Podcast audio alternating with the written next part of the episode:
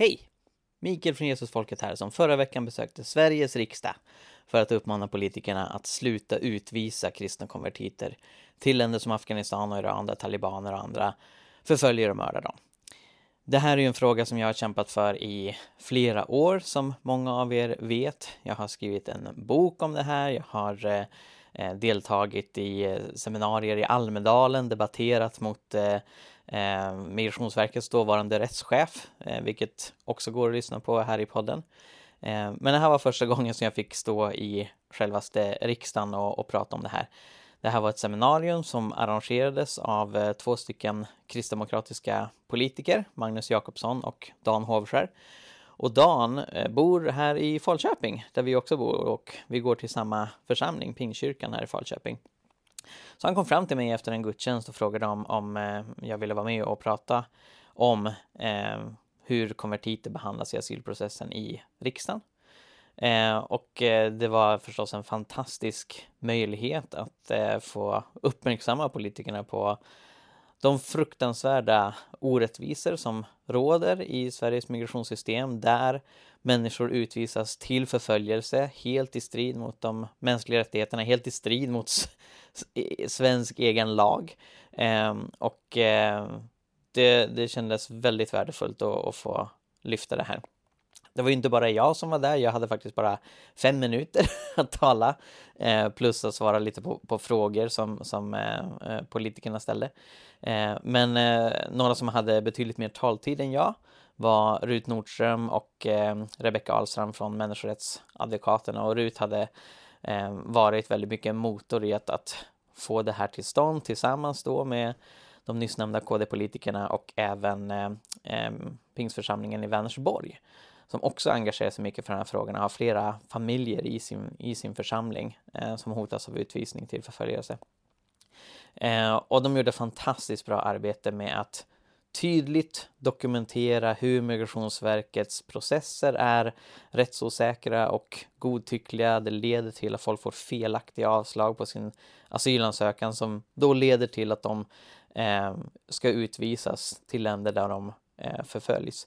Och eh, FN har gripit in fyra gånger bara de senaste åren och stoppat Sveriges utvisningar av kristna konvertiter till länder som Afghanistan för att det förstås strider mot de mänskliga rättigheterna. Så får ett land inte göra. Eh, Sveriges ursäkt har ju varit att de här är inte kristna egentligen, de bara bluffar. Eh, men FN har underkänt de metoder som Migrationsverket använder, vilket inkluderar till exempel fråga Ehm, de här asylsökande om de kan redogöra för konflikten på Nordirland, eller om de kan beskriva Martin Luthers liv, eller om de kan säga vad som står i Matteus 10, vers 24. Ehm, och det här är ju någonting som eh, jag i flera år har uppmärksammat eh, allmänheten på att, att det här är en fruktansvärd eh, orättvisa som utsätter människor för livsfara när man använder helt orimliga kriterier för vad som räknas som kristet. Eh, och eh, förutom då jag och människorättsadvokaterna så var också eh, asylrättscentrum eh, på plats eh, som eh, ger juridisk hjälp till flyktingar. Louise Dane representerade dem och det här var andra gången jag träffade henne för att vi sprang på varandra när jag var 19 år gammal och deltog i ett live på Sergels torg eh, som eh, gick ut på att, att vi skulle eh, rollspela ett flyktingläger. Så jag var en afghansk flykting, jag fick komma till Louise som satt i ett tält och bedömde våra asylansökningar, bedömde om Migrationsverket med, med dess dåvarande regler som då var ännu långt mer generösa än vad de är nu Eh, och, och, bedömde om, om eh, vi skulle kunna få asyl och jag fick avslag. Eh, så, så Louise har gett mig avslag. Hon har, hon har eh, bedömt att jag skulle utvisas till Afghanistan.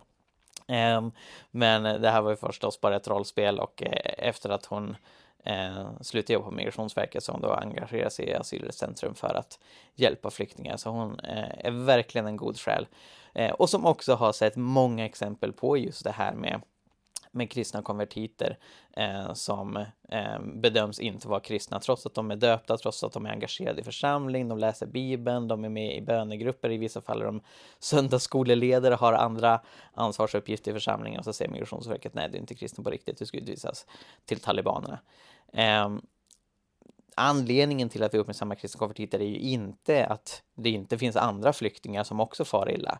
Eh, Sveriges migrationspolitik, precis som många andra europeiska länders migrationspolitik, har ju blivit extremt grym och hård och orättvis och eh, eh, byggd på falska föreställningar om att människor inte drabbas av lidande när de utvisas, vilket de nästan alltid gör.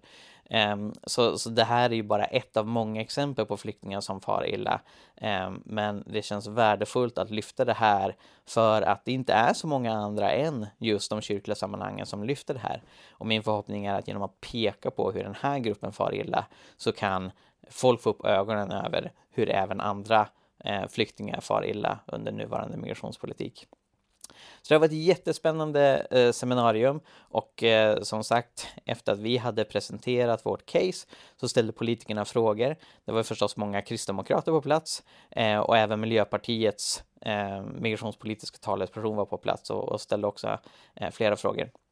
Jag är lite besviken att andra partier inte dök upp, även om det var lite skönt att det inte fanns någon sverigedemokrat där. Eh, för deras officiella hållning, eh, som, som själva Simon Åkesson argumenterar för, det är att alla konvertiter ljuger. De, de, tror, de tror inte att någon kan bli frälst efter att, att de, de eh, har börjat söka asyl i Sverige. Eh, och, och vill utvisa alla. Och det här har eh, de argumenterat för i tidningen Dagen, vilket jag och mina vänner i nätverket tror har svarat på, så jag, jag hittar inte på det, utan Sverigedemokraterna vill utvisa alla eh, kristna asylsökande eh, till eh, länder som Afghanistan och Iran och så vidare. Ehm, så, så det var lite skönt att de inte var där och liksom kom, kom med, med det resonemanget, även om det är förstås bra att svara på så eh, kände jag att, att det hade varit väldigt eh, tufft att behöva konfronteras med, för det här är ju vänner till mig, det här är ju människor som jag känner eh, och, och som eh, eh, rasisterna i Sverigedemokraterna vill, vill utvisa.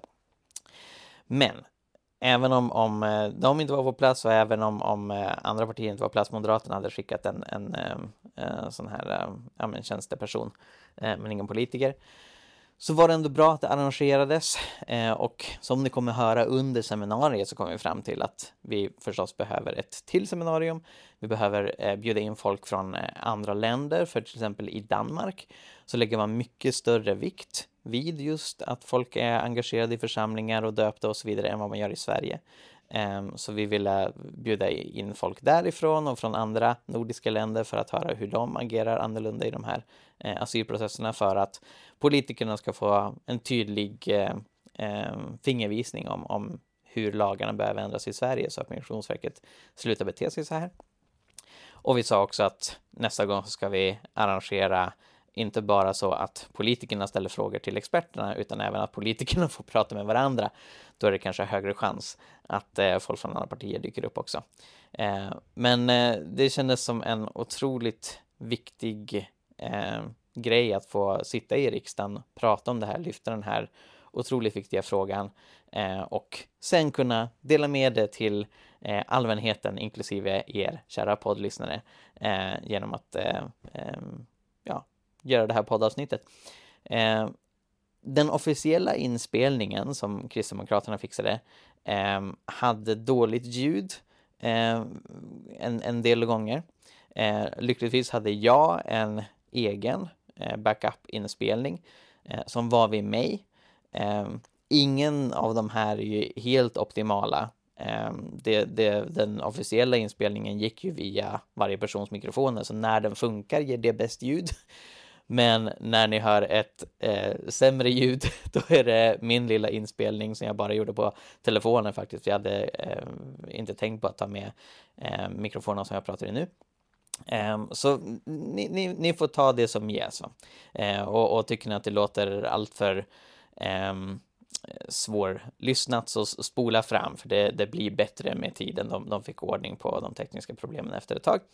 Men jag hoppas att det ska duga, jag hoppas att det ska vara hörbart och nu ska jag inte introducera längre utan ge er detta riksdagsseminarium om varför konvertiter behöver en bättre och rättssäker asylprocess. Håll till godo.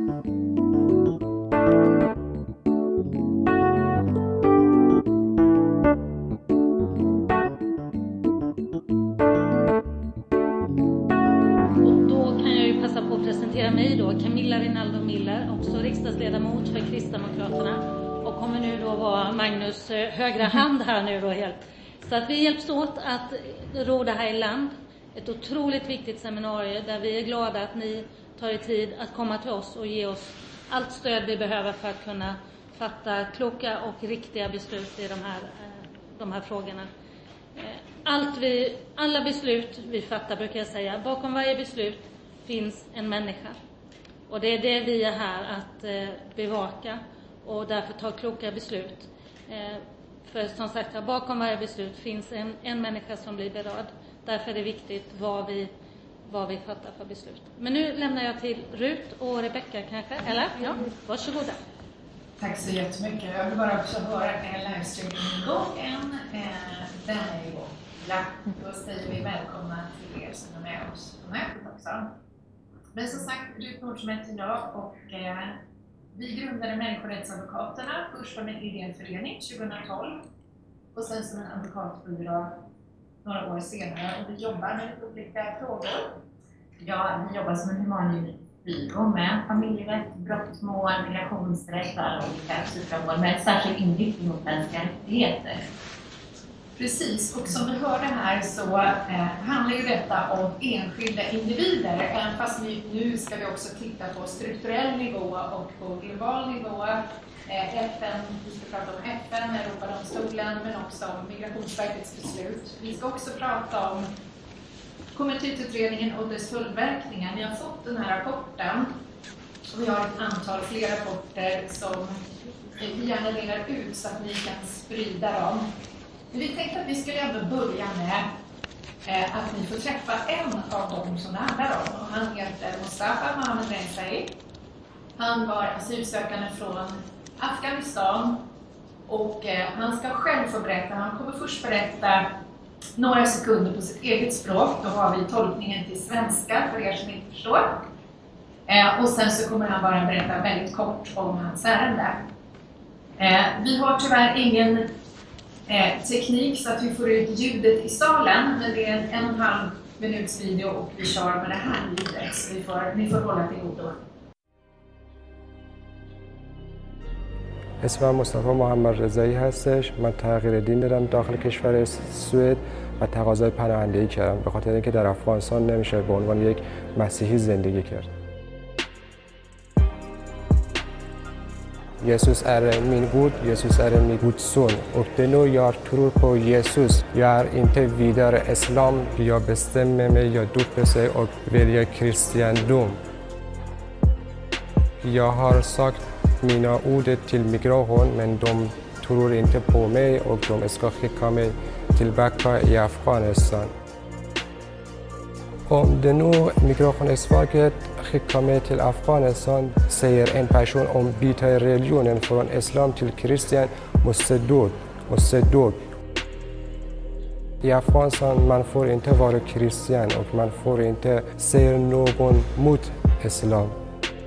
جفیک منگا هود فران افغانستان اولیکا سیل کابل هرات ای من عمر ده قزنی دومسه دو یورده فل وی به انتهای کابل وی اسکا خرا دین هلست یا شنر می ده میکروخون اسفاک ده به سمر فل یا فیک اینگن انتریو میت میکروخون بارا یا گلم ناده مینا پاپر تیل میکروخون اگ دوم لازر اگ دوم سیر یا ترور انتبوده دو دوار کریسیت هون الر هن سوم لازر من ارنده. کشن هن وار ان آتیز الر آنان ریلیون هون شنر اینگن یسوس. Och det var jättesvårt bara på titta på papper och säga du är kristen eller nej. Och det är orättvist.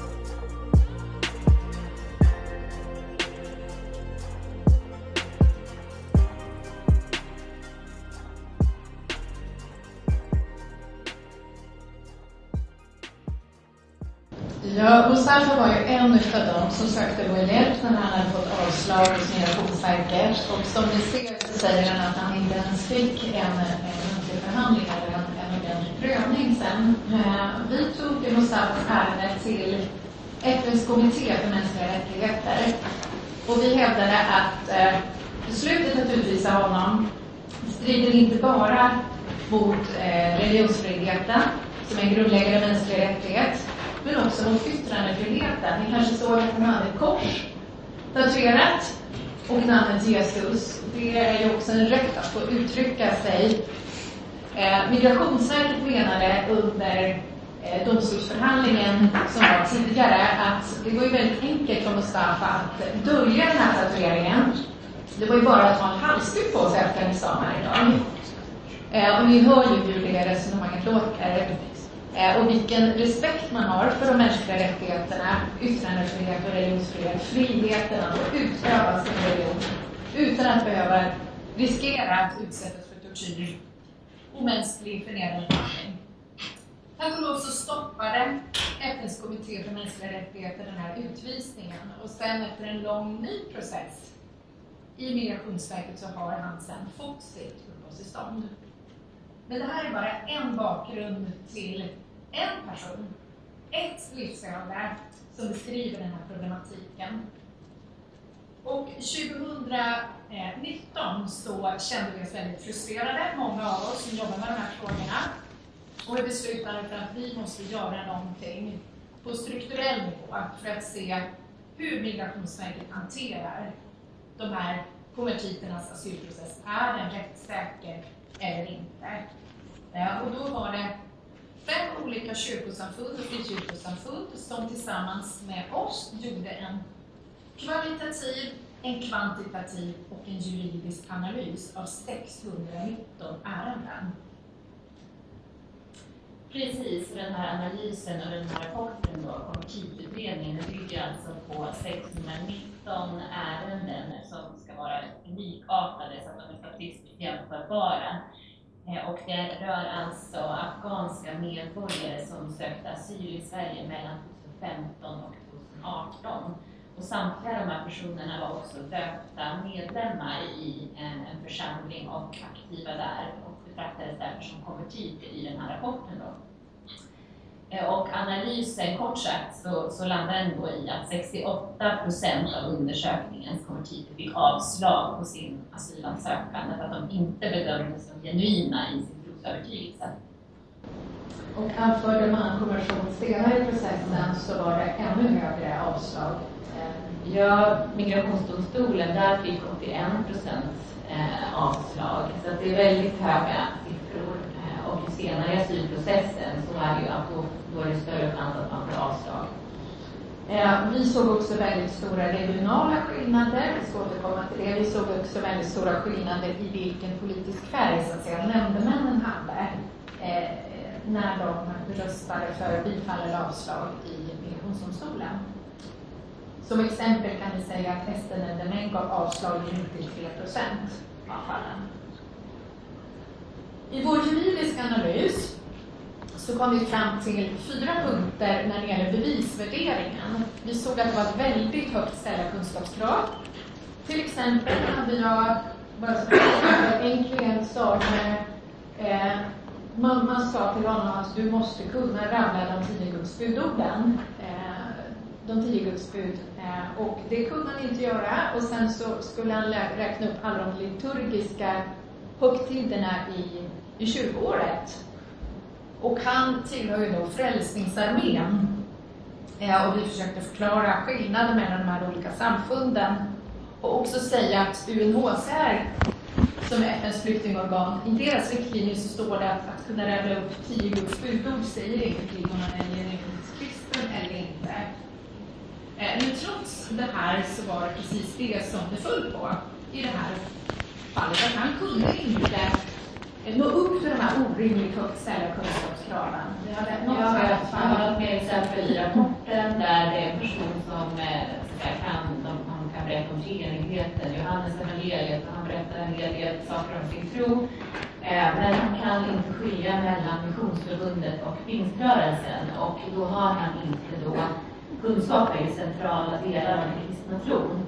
Eh, och ja. Ni hör ju hur absurt det här blir och eh, jag tror att Mikael Grenholm ska berätta lite senare kort om det här testet som man gjorde är ju kristen.nu och det var ju väldigt många som gjorde det här testet och då tog man frågor till exempel från våra protokoll med våra klienters tillåtelse så tog man de frågorna. Så alla de frågorna är ju faktiska frågor som Migrationsverket har ställt. Eh, och det var ju flera biskopar till exempel som gjorde det här testet och inte blev godkända, det vill säga de var inte kristna enligt Migrationsverkets höga krav. Vi såg också väldigt höga krav på intellektuella resonemang. Och då måste man tänka att många av de här är ju analfabeter när de kommer till Sverige eh, och har ingen akademisk utbildning. Och då ställer de här höga kraven på de här intellektuella resonemangen, det blir fel. De såg också en väldigt låg värdering av de här personliga trosupplevelserna och det är ju någonting som särskilt viktigt enligt riktlinjer för FNs flyktingorgan och från CAP som då är FNs kommitté mot tortyr.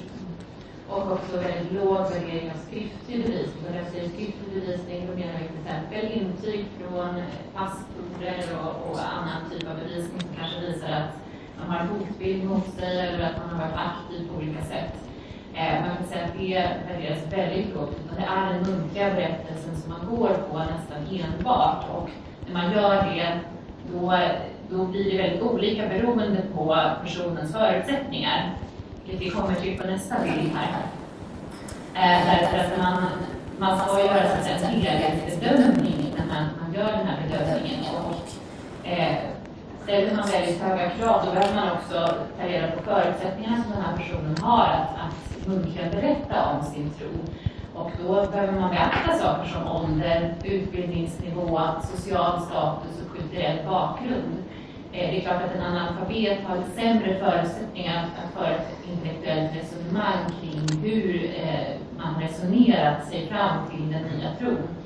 Eh, och, och där såg vi att, ja, där ser statistiken, alltså hur man har tagit hänsyn i de olika besluten till olika, de här olika faktorerna. Eh, och det är också någonting som Migrationsverket själva säger i sitt rättsliga ställningstagande när det gäller de här fallen, att man ska göra en bedömning först om förutsättningarna för att kunna berätta om sin tro muntligen. Men det gör man inte, utan de 61 fallen som vi gjorde en juridisk djupanalys av så var det till exempel två fall på ålder, 13 fall där man tog hänsyn till utbildningsnivå, 2 fall där man tog hänsyn till social status, 5 fall där man tog hänsyn till kulturell bakgrund. Vi såg också att det fanns en bristande expertis hos handläggare och tolkar.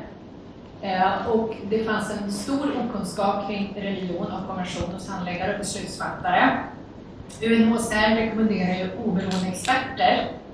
Jämför man till exempel med hbtq-ärenden där en hbtq-expert ofta granskar granskat ärendet. Tidigare var det även så att man fick inte ens fatta ett avslagsbeslut utan att en hbtq-expert hade granskat. Nu säger man så här att alla handläggare hos Migrationsverket är experter på allt. Men vet man någonting om vad en expert är så innebär det att man är inte expert på allt, då är man ingen expert. Utan expert är man på ett specifikt ämne. Utan annars är man generell, eh, generalist så att säga. Så det, det är väldigt motsägelsefullt det här. Eh, och vi tycker det är jättebra att man har till exempel hbtq-experter, men man borde ju självklart också ha religionsexperter. För det är lite liknande resonemang kring en inre upplevelse, mycket tankar och känslor eh, och så vidare. Förutom att det kan vara en del kunskaper. Men vem ska då avgöra vad som är centrala delar i de här kunskapskraven om man själv inte har de kunskaperna? Det är ju nästan omöjligt. Och sen har vi tyvärr också sett bristande neutralitet och kunskap om kristen terminologi hos tolkarna. Och det är ett jättestort problem därför att Migrationsverket säger vi kan inte ställa specifika önskemål till tolkarna att de ska kunna kristen terminologi. Det anser vi är alltså fel. För det gör vi. När vi anlitar tolkar så säger vi vi önskar en tolk som har särskild kunskap om kristen terminologi och du får göra det. Så det är absolut fullt möjligt att ha det.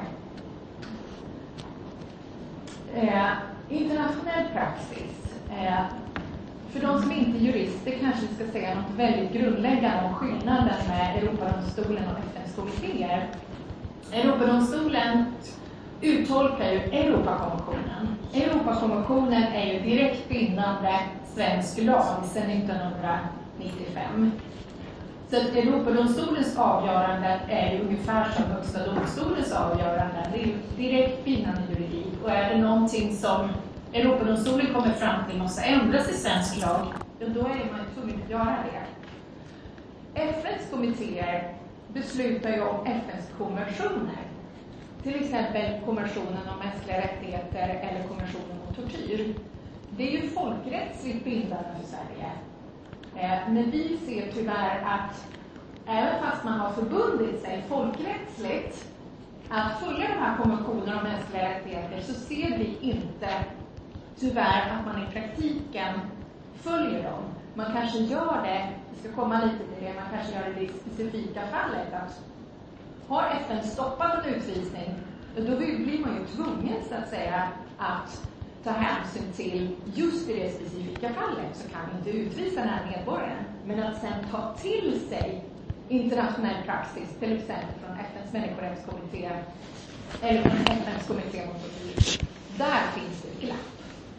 Någonting kort bara om de här två fallen. Ja, men precis. Det, det, här är ju fall som inte vi har drivit, så att säga. Men, men 2020 kom ju fall från FNs människorättskommitté. Och den handlade egentligen om en person som hade lämnat islam. Jag tror även han var ateist, det står inte här. Men, eh, och det var på verkställighetsstadiet. Eh, och eh, det handlade om att han skulle utvisas till Afghanistan, eh, där han kommunikerade tortyr. Och han konstaterade att han inte gjort en tillräcklig individuell bedömning av samtliga riskbemötande faktorer tillsammans. Alltså man har tittat på varje enskild fråga, Eh, eller några av dem i alla fall. Man har inte återförvisat eller eh, beviljat ny prövning, ska jag säga. Så att man, man kunde titta på alla de här faktorerna tillsammans, utan man har prövat dem var för sig. Eh, och, eh, och det är väl det som är liksom, det vi har med oss mest från det fallet, från FNs människorättskommitté. Och sen finns det ett fall, eh, AA mot Schweiz, där Schweiz hade då, de hade konstaterat att han var död och faktiskt att han var konvertit. Eh, men de ville ändå utvisa honom och mena att han kunde leva och dölja sin tro. Och det konstaterar man att det skulle inte vara acceptabelt, utan det var en outhärdlig psykologisk press att man skulle leva i ett sådant samhälle som Afghanistan och tvingas dölja vad man trodde på. Eh, och det, det är inte acceptabelt. Och då ser ni att precis det var det som hände i Mustafas fall. Att Migrationsverket säger precis i strid med det här fallet från Europadomstolen så säger fortfarande Migrationsverket att du bara får dölja dig och du kan ha en halsduk på dig varje dag och dölja din tatuering där du har ett kors och en Så att det är direkt strid med de här besluten från Europadomstolen. Eh, och vi har då drivit över 50 klagomål till FNs kommitté eh, mot tortyr och FNs eh, kommitté för mänskliga rättigheter. Eh, och av de 47 fallen har vi gjort, de 47 första, nu har vi inte längre räknat hur många, över 50 som jag har drivit sedan dess, men, men av de första 47 så gjorde vi en mätning Eh, och av dem som blev 32 procent inhiberade, det vill säga FN stoppade utvisningen i 32 procent av de fallen direkt. 36 procent av de här fallen togs upp av FN, men meddelade inte inhibition. Och 30, eh, 32 procent togs inte upp. Sen har det hunnit gå en lång tid, för många av de här skickade vi in under flyktingvågen eller man skickade in dem kanske 2019 när vi gjorde konvertitutredningen. Efter fyra år preskriberas ju en utvisning och då kan man söka asyl igen. Men för dem eh, där, där det inte har blivit preskription, utan vi har också, och vi som har ju avvikit från landet eh, och vi har så att säga dragit tillbaks ansökan. Men för de som har hunnit gå vidare än så länge så har vi fyra fall där FN har fällt Sverige för brott mot konventionen mot tortyr, för utvisning av kristna konvertiter. Eh, och det här är ju allvarligt skulle jag säga, och jag skulle också säga att jag tycker det är märkligt att det inte uppmärksammas mer. Mm. Att FN mm. fälls. Vi säger att vi är så duktiga på mänskliga rättigheter i Sverige, så undervisa alla andra om, eh, om mänskliga rättigheter. Och sen fälls vi i FNs kommitté mot tortyr fyra gånger på kort tid, Mm. bara efter våra klagomål. Ja men precis, och, och vi ser ju att de där, vi har, där det har preskriberats, vi har fått till en ny prövning, då har ju Migrationsverket beviljat eh, flyktingstatus i de flesta fall. Men man känner att man ska inte behöva ta ett ärende ända till FNs kommitté mot tortyr för att få uppehållstillstånd i Sverige. Det blir liksom orimligt. Så man, man bör då eh, titta på de här fällningarna och ta hänsyn till dem och och prövningen. Precis, och vi kan göra en Eh, analysen vi har gjort av våra FN-ärenden där utvisningen har stoppats, så kan vi se att, eh, som det står längst bort här, att det är flera riskfaktorer. Eh, En riskfaktor har har varit konversion, men oftast har det varit till exempel även etnicitet och kön. Det har också kunnat vara hälsotillstånd. Ja men precis, och sen har det ju varit att många av dem har också varit öppna med sin tro. De har levt ut och utövat tron och de har även visat det öppet på till exempel internet, sociala medier, de kanske missionerar på olika sätt. Eh, de har också många mottagit personliga hot, många trakasseras eller blir utfrysna i Sverige, men också hot på internet. Eh, och en del av dem har tatueringar, de har eh, inget socialt nätverk kanske i Afghanistan. Vissa har inte ens bott i Afghanistan innan tidigare. Så att, eh, och i några fall så har man inte överhuvudtaget fått en prövning av sin konversion. Precis. Sen har vi ett fall, vi pratade precis med honom här innan vi klev in, eh, där, som vi uppmärksammat på SVT, eh, när FN stoppade utvisningen. Abul Fazl han, har funnit på här av sin bror Ali, jag pratade precis med båda bröderna. Eh, och de har gett okej också till att utreda om deras fall. Eh, så att vi ska först få höra bara en och en halv minuts reportage från SVT, eh, hans reaktion när han fick reda på att FN hade stoppat utvisningen. Och då ska jag säga som bakgrund, Abul Fazl var lillebror. Hans storebror hette Ali som är ett par år äldre. Hela den här familjen kommer från Afghanistan. Pappan genomgick en svår cancerbehandling eh, och var nära att dö. Eh, hela familjen fick uppehållstillstånd, förutom lillebror som precis hade fyllt 18, Abu Han skulle ensam utvisas till Afghanistan mitt under pappans pågående cancerbehandling. Han ansågs inte genuint kristen. Storebror ansågs genuint kristen. Så man gjorde helt olika bedömningar trots att man hade gått igenom den här processen ungefär samtidigt. Eh, och hade vi inte tagit det här fallet till FNs tortyrkommitté och jobbat liksom, eh, för, för den här familjen så hade han ju utvisats. Så ni kan ju bara förstå eh, traumat för hela familjen. Eh, så nu ska ni få se bara reaktionen när han fick reda på att FN hade stoppat det här. Jag visste inte jag gråter eller skrattar. Beskedet att Abu Fazls utvisning stoppas fick han via sin advokat. Hon har hjälpt till driva fallet till FNs tortyrkommitté som nu stoppar utvisningen. För Fazl betyder det skillnad på liv och död. Han riskerar ju dödsstraff. Innan beskedet från FN levde Abu Fazl som gömd i trakterna kring Uppsala.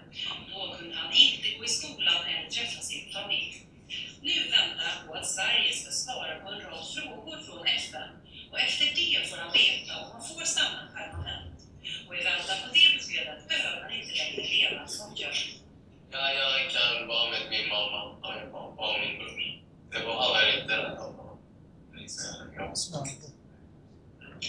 Därför som de kan inte njuta av mig. Jag kan stoppa. Han kom till Sverige tillsammans med sin bror Ali och sina föräldrar för fyra år sedan. Han har precis som sin bror uppgett att han har konverterat från islam till kristendomen. Men Migrationsverket bedömde då bara den ena broderns historia som trovärdig. Det vi väntar på nu är ju att UD som ansvarar nu för att besvara eh, frågorna från FNs tortyrkommitté ska avge sitt svar. Eh, Först är det en, en tidsfrist på två månader och sen då sex månader. Men hon blir verkligen jätteglad. Hon förstod att jag även har röstat som i Sverige. Men hon blir liksom bra. Så hon förstod att jag även stoppar. Jag ser bara att sen håller hon andra. Hennes frågor är bra. Varför det? tror du? Ja, jag tror som hon gråter. Ja, som ni hörde han säga här så eh, hans mamma grät förstås när hon fick reda på det här, att utvisningen hade stoppats och han sa att han själv nu inte behövde läng- leva längre i rädsla för att polisen skulle ta honom och utvisa honom. Mitt under pappas cancerbehandling när han är osäker på om pappa skulle överleva eller inte. Eh, och det här var då ett av de fallen där FN stoppade först utvisningen, sen som jag berättade här i det här reportaget så skulle sen då Sverige genom då regeringen, genom UD svara och sen har vi då en skriftväxling där vi är på ena sidan och staten, det vill säga UD på andra sidan. Eh, och staten tar ju då alltid Migrationsverkets parti och argumenterar för en utvisning och vi argumenterar för den enskilde. Och det är ju det de mänskliga rättigheterna handlar om, att när staten fattar ett beslut där den enskilda människans mänskliga rättigheter drabbas, ja då måste ju den enskilde få hjälp att ställa sig mot staten. Eh, och det är ju det som händer i de här fallen. Eh, men tack och lov så gick ju FN på vår linje och fällde Sverige för utvisningen av Abu Fazel. Eh, och bara en kort analys av hans fall. Han var ju medborgare i Afghanistan men har aldrig varit i landet, som många av de här är. Eh, det är ju en markkonflikt, en, en familjefejd med dödshot. Morbror hade dödats. Han hade inte gått i skolan, han var analfabet när han kom till Sverige. Han hade stor psykisk ohälsa på grund av alla dessa trauman. Han hade konverterats ur plast, det vill säga här på plats i Sverige. Pappa var sjuk, som jag sa, övriga familjen fick uppehållstillstånd. Det FN sa var att det var en stor brist att man inte hade gjort en individuell psykiatrisk utredning. Det var en stor brist att man inte eh, beaktade det här barndomstraumat och mentala hälsoproblem. Det var ingen utredning kring tillgången och tillgängligheten av vård i Afghanistan. Man hade inte beaktat hans utbildningsnivå och kulturell kontext. Han hade blivit nekad muntlig komplettering. Ingen sammanvägning av den här bevisningen. Ofta säger man en sak, ja, det räcker inte. Och det här, det räcker inte. Men man gör inte den här sammantagna eh, bedömningen som vi anser att man ska göra. Och sen de här nya dödshoten sa de, det är inga nya omständigheter. Så man får inget självständighetshinder. Det är en modifiering av vad du har sagt innan. Ni som jobbar med de här frågorna känner igen det här. Det är det man ofta säger. Och sen ingen prövning av den här risken på grund av aktiviteter på sociala medier. Så att det FN ofta säger i de här fallen, det är att man just måste göra en sammantagen analys av alla riskfaktorer. Nu ska jag säga också att eftersom det är eh, 20 minuter som inte kommer finnas med i programmet, för Migrationsverket skulle ju svara på den här kritiken som vi lämnar här idag. Migrationsverkets biträdande rättschef har blivit sjuk, också troligtvis med den här influensan. Så kommer vi nu fortsätta en liten stund till, bara så att ni vet, ni som har koll på schemat. Eh, och sen när vi är klara så kommer sen centrum och sen eh, Rättighetstrum. Bara så att vi fortsätter en, en stund till. Ja, och som vi nämnde då så har Sverige fällts fyra gånger i de här fallen som vi tog vidare, eh, de här 47 eh, fallen som nu är över 50 då. Eh, och den 27 juli 2023 så fällde Sverige i det här fallet då OR mot Sverige som vi tog vidare och det är då också en medborgare i Afghanistan med ett antal risk och skyddsfaktorer. Han var hazar, hans etnicitet, vilket är en utsatt grupp i Afghanistan. Eh, hela familjen hade utsatts för dödshot från talibaner och hans bror hade också mördats av talibaner. Det var liksom grund, grunden när han kom till Sverige. Men sen konverterade han också i Sverige, eh, surplast och här på plats. Och den här konverteringen fick också spridning i sociala medier och eh, han blev utfryst i, i, i, den kontexten han var och så vidare. Han mottog dödshot eh, och trakasserier. Eh, men när han kom, han anmälde verkställighetshinder och då ansåg migrationsdomstolen att han förvisso hade gjort antagligt att han hade konverterat av genuin övertygelse och också att det var ett bestående verkställighetshinder mot att utvisa honom till Afghanistan, men han hade inte giltig ursäkt för att han hade sagt det här för sent till Migrationsverket. Då. Så han fick ingen ny prövning av sin konvention överhuvudtaget. Eh, och, eh, och det här kritiserade ju då FN, eh, att man inte hade fått en prövning i sak av sin konvention överhuvudtaget. Trots att man erkänner att det finns en oerhörd risk för eh, konvertiter i Afghanistan. Eh, man hade inte heller prövat risken för att han skulle tillskrivas en sån konvention. Eh, att han skulle tillskrivas en konvention trots att det fanns risk för illa behandling. Eh, Teknikerna vill säga någonting till oss. Ha, mikrofon, ha mikrofonerna på när ni pratar. Ja, hon har mikrofonen på. Ska jag prata närmare? Nej, men den lyser inte härifrån så jag ber om ursäkt. Ah, nej, den. Och bra. Eh, Du ligger precis i skuggan. Eh, precis, eh, inte faktiskt spridningen av uppgifter hans. Eh, Man har inte beaktat det här att hans konvention hade fått spridning och att det fanns en, en, en mängd riskfaktorer i hans ärende. Och, eh, och att det fanns en försvårande faktor att han hade en hotbild från talibanerna. Eh, precis. Sen har vi ytterligare ett fall och som ni ser så finns det vissa likheter. Eh, I det här fallet, han var också kidnappad, torterad och dödshotad tidigare. Eh, han hade också fått eh, kraftig PTSD och det var också risk för återtraumatisering enligt läkare. Eh, och det här hade man inte heller tagit hänsyn till. Men ni som jobbar med de här fallen, vi har jobbat med, jag vet inte hur många, hundratals ärenden. Vi ser ju att det, det är ju tyvärr en sån här bristande bedömning i många av de här fallen. Eh, och det eh, FN säger är att Eh, migrationsdomstolen borde ha återförvisat det för en ny prövning hos Migrationsverket. Ofta anför ju vi att ja, men den här hoten har kommit till eller man har döpt sig och så vidare och sen säger Migrationsverket att ja, ja, men det där är ju inget nytt, det är bara skett en modifiering. Men alltså egentligen ska det ju få sig möjlighet att utredas från scratch igen hos Migrationsverket. Eh, sen när, när det då har varit till exempel eh, övergrepp, tortyr och så vidare som utförs av talibaner. Vi samarbetar ju med en rättsläkare som kan ge sådana här tortyrskadeutredningar. Men det är ju någonting som vi får ta fram.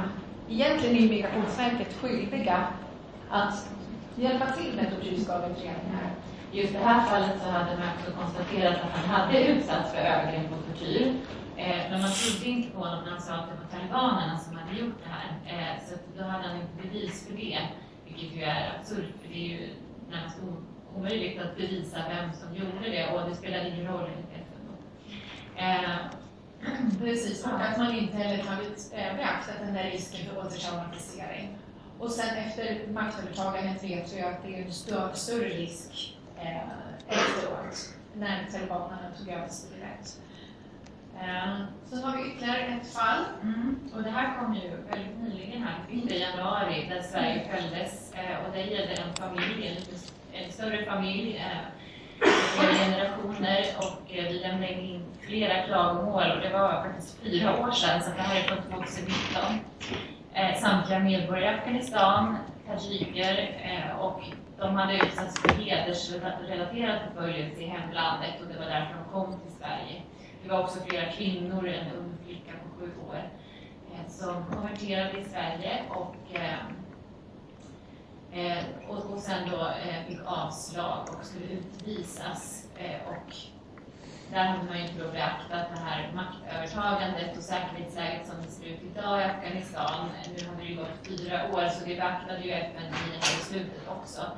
Man hade inte heller tagit hänsyn till att det var en kvinna och en flicka som, som prövades. Så det var flera faktorer även i det här ärendet då, inte bara konventionen.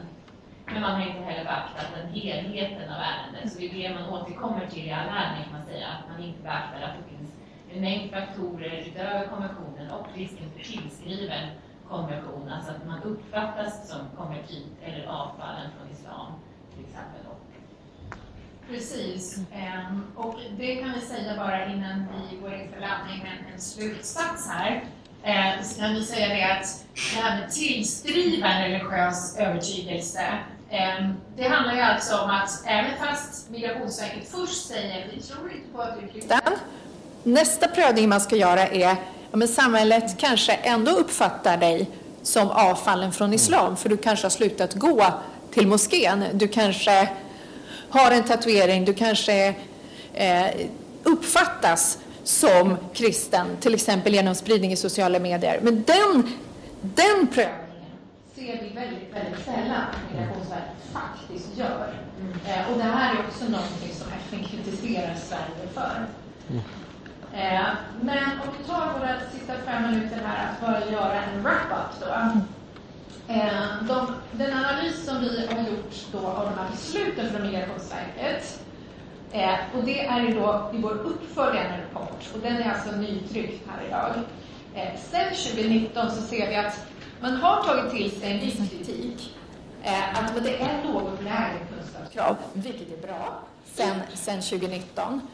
Däremot är det fortfarande relativt höga kunskapskrav gällande centrala delar av religionen och det är här vi menar att om man nu ska avgöra vad som är centrala delar av religionen måste man ju först ha den kunskapen själv som anläggare. Annars kan man ju inte avgöra om någon annan har central kunskap. Mm. Och framförallt så måste man ju ha en, en rättssäker måttstock. Alltså vad är måttstocken? Det, det blir inte rättssäkert så som det ser ut just nu. Eh, och vi tycker fortfarande att man har väldigt höga krav på intellektuella resonemang kring hur man har resonerat sig fram till den här tron eller varför islam inte är rätt längre, till exempel om man har konverterat från islam till kristendomen Eh, och varför kristendomen då är sann. Eh, och det här eh, är ju väldigt svårt för många att nå upp till. Vi ser också särskilt höga krav på känslomässiga resonemang. Om det tidigare var intellektuella resonemang så har vi sagt att nu är det känslor. Jag räknade i ett av mina senaste beslut, då var det 40 gånger som Migrationsverkets handläggare hade frågat hur kändes det att gå in i en kyrka första gången? Hur kändes den känslan? Hur kändes det när någon sa så till dig? Hur kändes det när du hade den tanken kring den religionen? Hur kändes det? Alltså 40 gånger skulle han besvara känslor. Jag tänkte då att det är en man som generellt kanske har svårt att uttrycka sina känslor, som kommer från Mellanöstern som absolut inte är van att uttrycka känslor på det sättet. Det blir ju också lika absurt att 40 gånger behöver prata om hur en viss känsla kändes. Eh, och, och, de här killarna säger till oss, jag har aldrig pratat om mina känslor. Eh, och ska jag sitta inför en främmande person och säga mina innersta djupaste känslor när jag inte ens är van att prata om mina känslor i allmänhet? ni förstår ju själva hur absurt det blir. Och att som att en känsla, en beskrivning av en känsla skulle berätta om du är genuint troende eller inte. Det är lika absurt som att ha, kunna rabbla upp tio Guds budord eh, på, på rak arm eller säga skillnaden mellan fem olika Eh, frikyrkliga sammanhang. Det säger vi lika lite om du är genuint kristen. Och sen ser vi också tyvärr fortfarande den här låga värderingen av faktisk religionsutövning. Om du faktiskt går i kyrkan, om du faktiskt är engagerad, om du faktiskt läser en bibel varje dag, om du faktiskt ber, det beaktar man inte, alltså den faktiska religionsutövningen. Mm. Nej, och, och, det är ju just det att man, man behöver titta på alla de här faktorerna. Man kan absolut prata om känslor, man kan prata om kunskap, men man, man, kan inte bara prata om känslor eller bara prata om kunskap, utan man måste ju se helheten. Om en person har varit aktiv i en församling i sju år till exempel, som det inte sällan är, eh, och varit till, liksom, till och med en ledare i församlingen eller läser teologi, alltså, det, det är klart att det måste vägas in på något sätt. Eh, det, och, men man väger inte in den skriftliga bevisningen som vi nämnde förut och så vidare. Precis, och den här bristande bedömningen av tillskriven religiös tillhörighet, det gör man tyvärr väldigt sällan. Alltså hur omgivningen runt omkring uppfattar det. Och sen den här helhetsbedömningen av multipla riskfaktorer. Och sen den här avsaknaden av nödvändig expertkunskap kring religion och konvention. Jag skulle vi vilja säga någonting av det absolut viktigaste, att det måste finnas experter som utbildar handläggarna. Så slutsatsen 2019 var ju då att rättsavdelningen bör tillsätta en expertgrupp inom fältet för religion och konvention som en resurs i alla ärenden när konvention är aktuell. Bevisvärderingen av konvertiternas åberopade skriftliga bevisning måste uppvärderas i asylprocessen. Kunskapskraven och kunskapsfrågorna måste läggas på en rimlig nivå, särskilt för de som nyss har konverterat. Och Migrationsverket och migrationsdomstolarna måste göra en helhetsbedömning i enlighet med UNHCRs riktlinjer och de här besluten från FN, Europadomstolen, FNs tortyrkommitté. Och slutsatser i den här rapporten som ni nu får med er det är ju att den mest avgörande frågan som måste besvaras för att konvertiter ska tillförsäkras en rättssäker prövning är hur ska Migrationsverkets handläggare tillförsäkras nödvändig kompetens för att avgöra svaret på vad som kan anses vara centrala delar eller huvuddragen inom kristen tro för att göra den här bedömningen? Och den andra avgörande frågan som är slutsatsen i den här rapporten är hur man ska tillse att verkets handläggare beaktar och följer ny rättspraxis från internationella instanser för mänskliga rättigheter. Eftersom hänvisningar saknas ofta, till exempel i rättsliga ställningstaganden. Eh, och vi kan säga som absolut vårt sista, Migrationsverket skulle ha kommit hit idag men blev ju sjuka tyvärr. Men det de har sagt är, när de har gett ett officiellt svar tidigare på konvertitutredningen, det var Ja, det brister i enhetlighet mellan olika religioner. Till exempel sa vi att eh, Regioner. Ja, I vår rapport så, så, såg vi då en skillnad mellan Jönköping, eh, Migrationsverket i Jönköping och Göteborg där det var en avslagsprocent på 44 procent i Jönköping men 80 procent i Göteborg. Eh, så det är ganska kraftiga regionala skillnader. Jag skulle säga att man faktiskt ser det när man arbetar också. Att eh, det är väldigt stor avslagsfrekvens i, i Göteborgsområdet till exempel. Och då har vi sagt lite skämtsamt att Småland är ju Sveriges bibelbälte. Att man kanske har mer kunskap om kristen tro där. Och då kanske det motiverar en avslagsprocent på 40 procent medan Göteborg en avslagsprocent på 80 procent. Det är en väldigt stor regional skillnad. Då säger Migrationsverket Ja, det är en brist, men i övrigt inga brister. Och det tycker jag är lite anmärkningsvärt ändå, att man officiellt har sagt inga andra brister. Det eh, får man väl ändå säga ganska anmärkningsvärt med tanke på att FN har kritiserat Sverige och fällt Sverige för brott mot konventionen och att man då inte från myndighetens sida kan ta till sig någonting av den kritiken från FN måste man ändå säga anmärkningsvärt. Men nu är de inte här idag och kan presentera någonting annat. Mm. Det var vad vi hade att säga och då ska vi lämna över med varm hand till nästa föregående talare som ska presenteras. Men då ska jag bara smita emellan innan vi lämnar över till Asylrättscentrum. Det finns kaffe och kaka så jag tänker vi, vi vill ju inte missa en minut av detta för det här är viktig information som vi behöver få del av. Men vi gör en snabb eh, förse er med kaffe, kaka om man vill gå tillbaka, sätter och så lämnar vi över. Så en liten bensträckare. Perfekt. Man står inte kvar Jättebra. där och pratar utan... Mycket bra. ja, hej allihopa. Eh, och eh, tack så jättemycket för att vi också får vara med här idag. Eh, och som, som Rut sa förut så jag heter Louise Dane och jag kommer från Asylrättscentrum. Och Asylrättscentrum, vi är ju en ideell organisation som jobbar för en ökad rättssäkerhet i migrationsprocesser i Sverige. Det har vi gjort i 30 år, drygt. Och vi jobbar med det på lite olika sätt. Vi jobbar dels med gratis juridisk rådgivning Eh, till asylsökande men också till personer som kommer i kontakt med människor som söker uppehållstillstånd eller som lever som papperslösa i Sverige. Vi jobbar med utbildning och kunskapsspridning om asyl och migrationsprocessen och det gör vi genom att ta fram rapporter, genom att hålla utbildningar, genom att publicera analyser och liknande på vår hemsida och i våra sociala medier och eh, genom att delta i sådana här forum.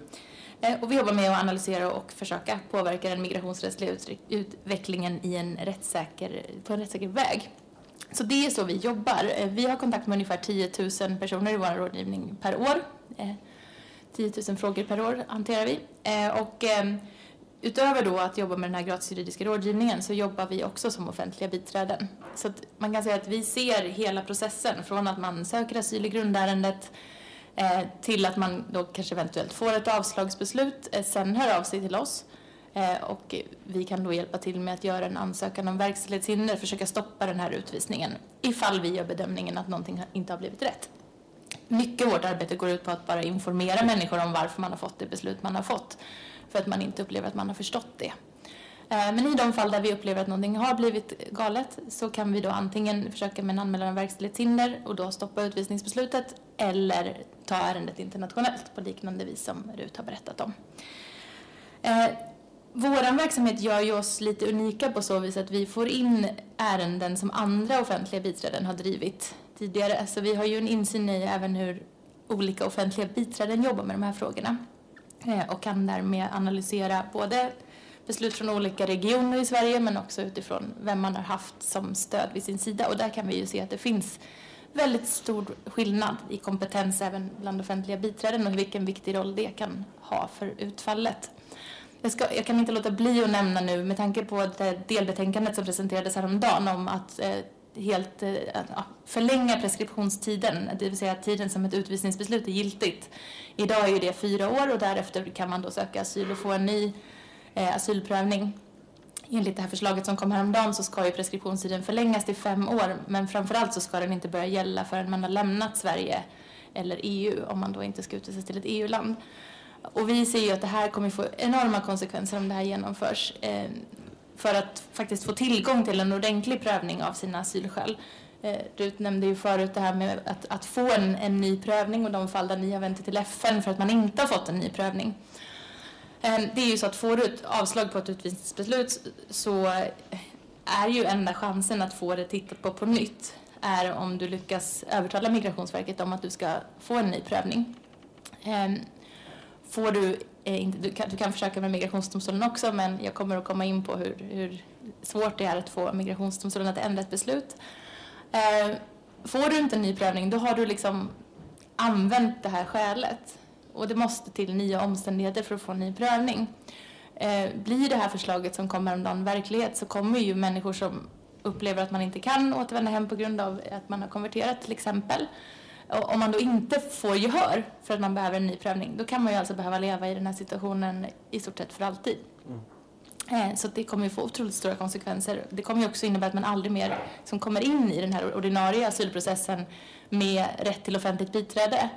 Och ni kan tänka, vi är fem personer just nu som jobbar som jurister på Asylrättscentrum och som då kan jobba med att stötta upp i de här. Vi kommer ju få otroligt mycket jobb ifall det här går igenom. Och vi har inte så mycket resurser till det. Så jag vill bara börja med eh, Eh, och, och, och, flagga för det och vad den potentiella förändringen skulle kunna ha för effekter i den här typen av ärenden. Jag, jag, tror att det kan få väldigt stora konsekvenser för just ärenden där man då inte, där det händer någonting efter att man har fått ett, ett avslagsbeslut. Så, eh, i vårt arbete så ser vi en, en hel del brister. Vi, vi delar ju till mångt och mycket det som Rut har lyft. Eh, Framförallt så upplever vi att det finns brister i de så kallade tillförlitlighetsbedömningarna. Eh, tillförlitlighetsbedömningar kallas ibland för trovärdighetsbedömningar. Det handlar alltså om att jämföra eller göra en bedömning av det den här personen berättar, är det trovärdigt? Ibland är det ganska lätt att göra en tillförlitlighetsbedömning.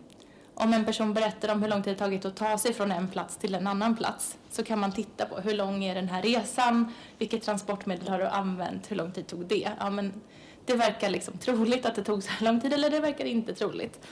Eh, när personer ska berätta om sin egen övertygelse och varför man har valt att, att, att byta religion så är det inte lika lätt att göra de jämförelserna för den resan ser väldigt olika ut för olika personer.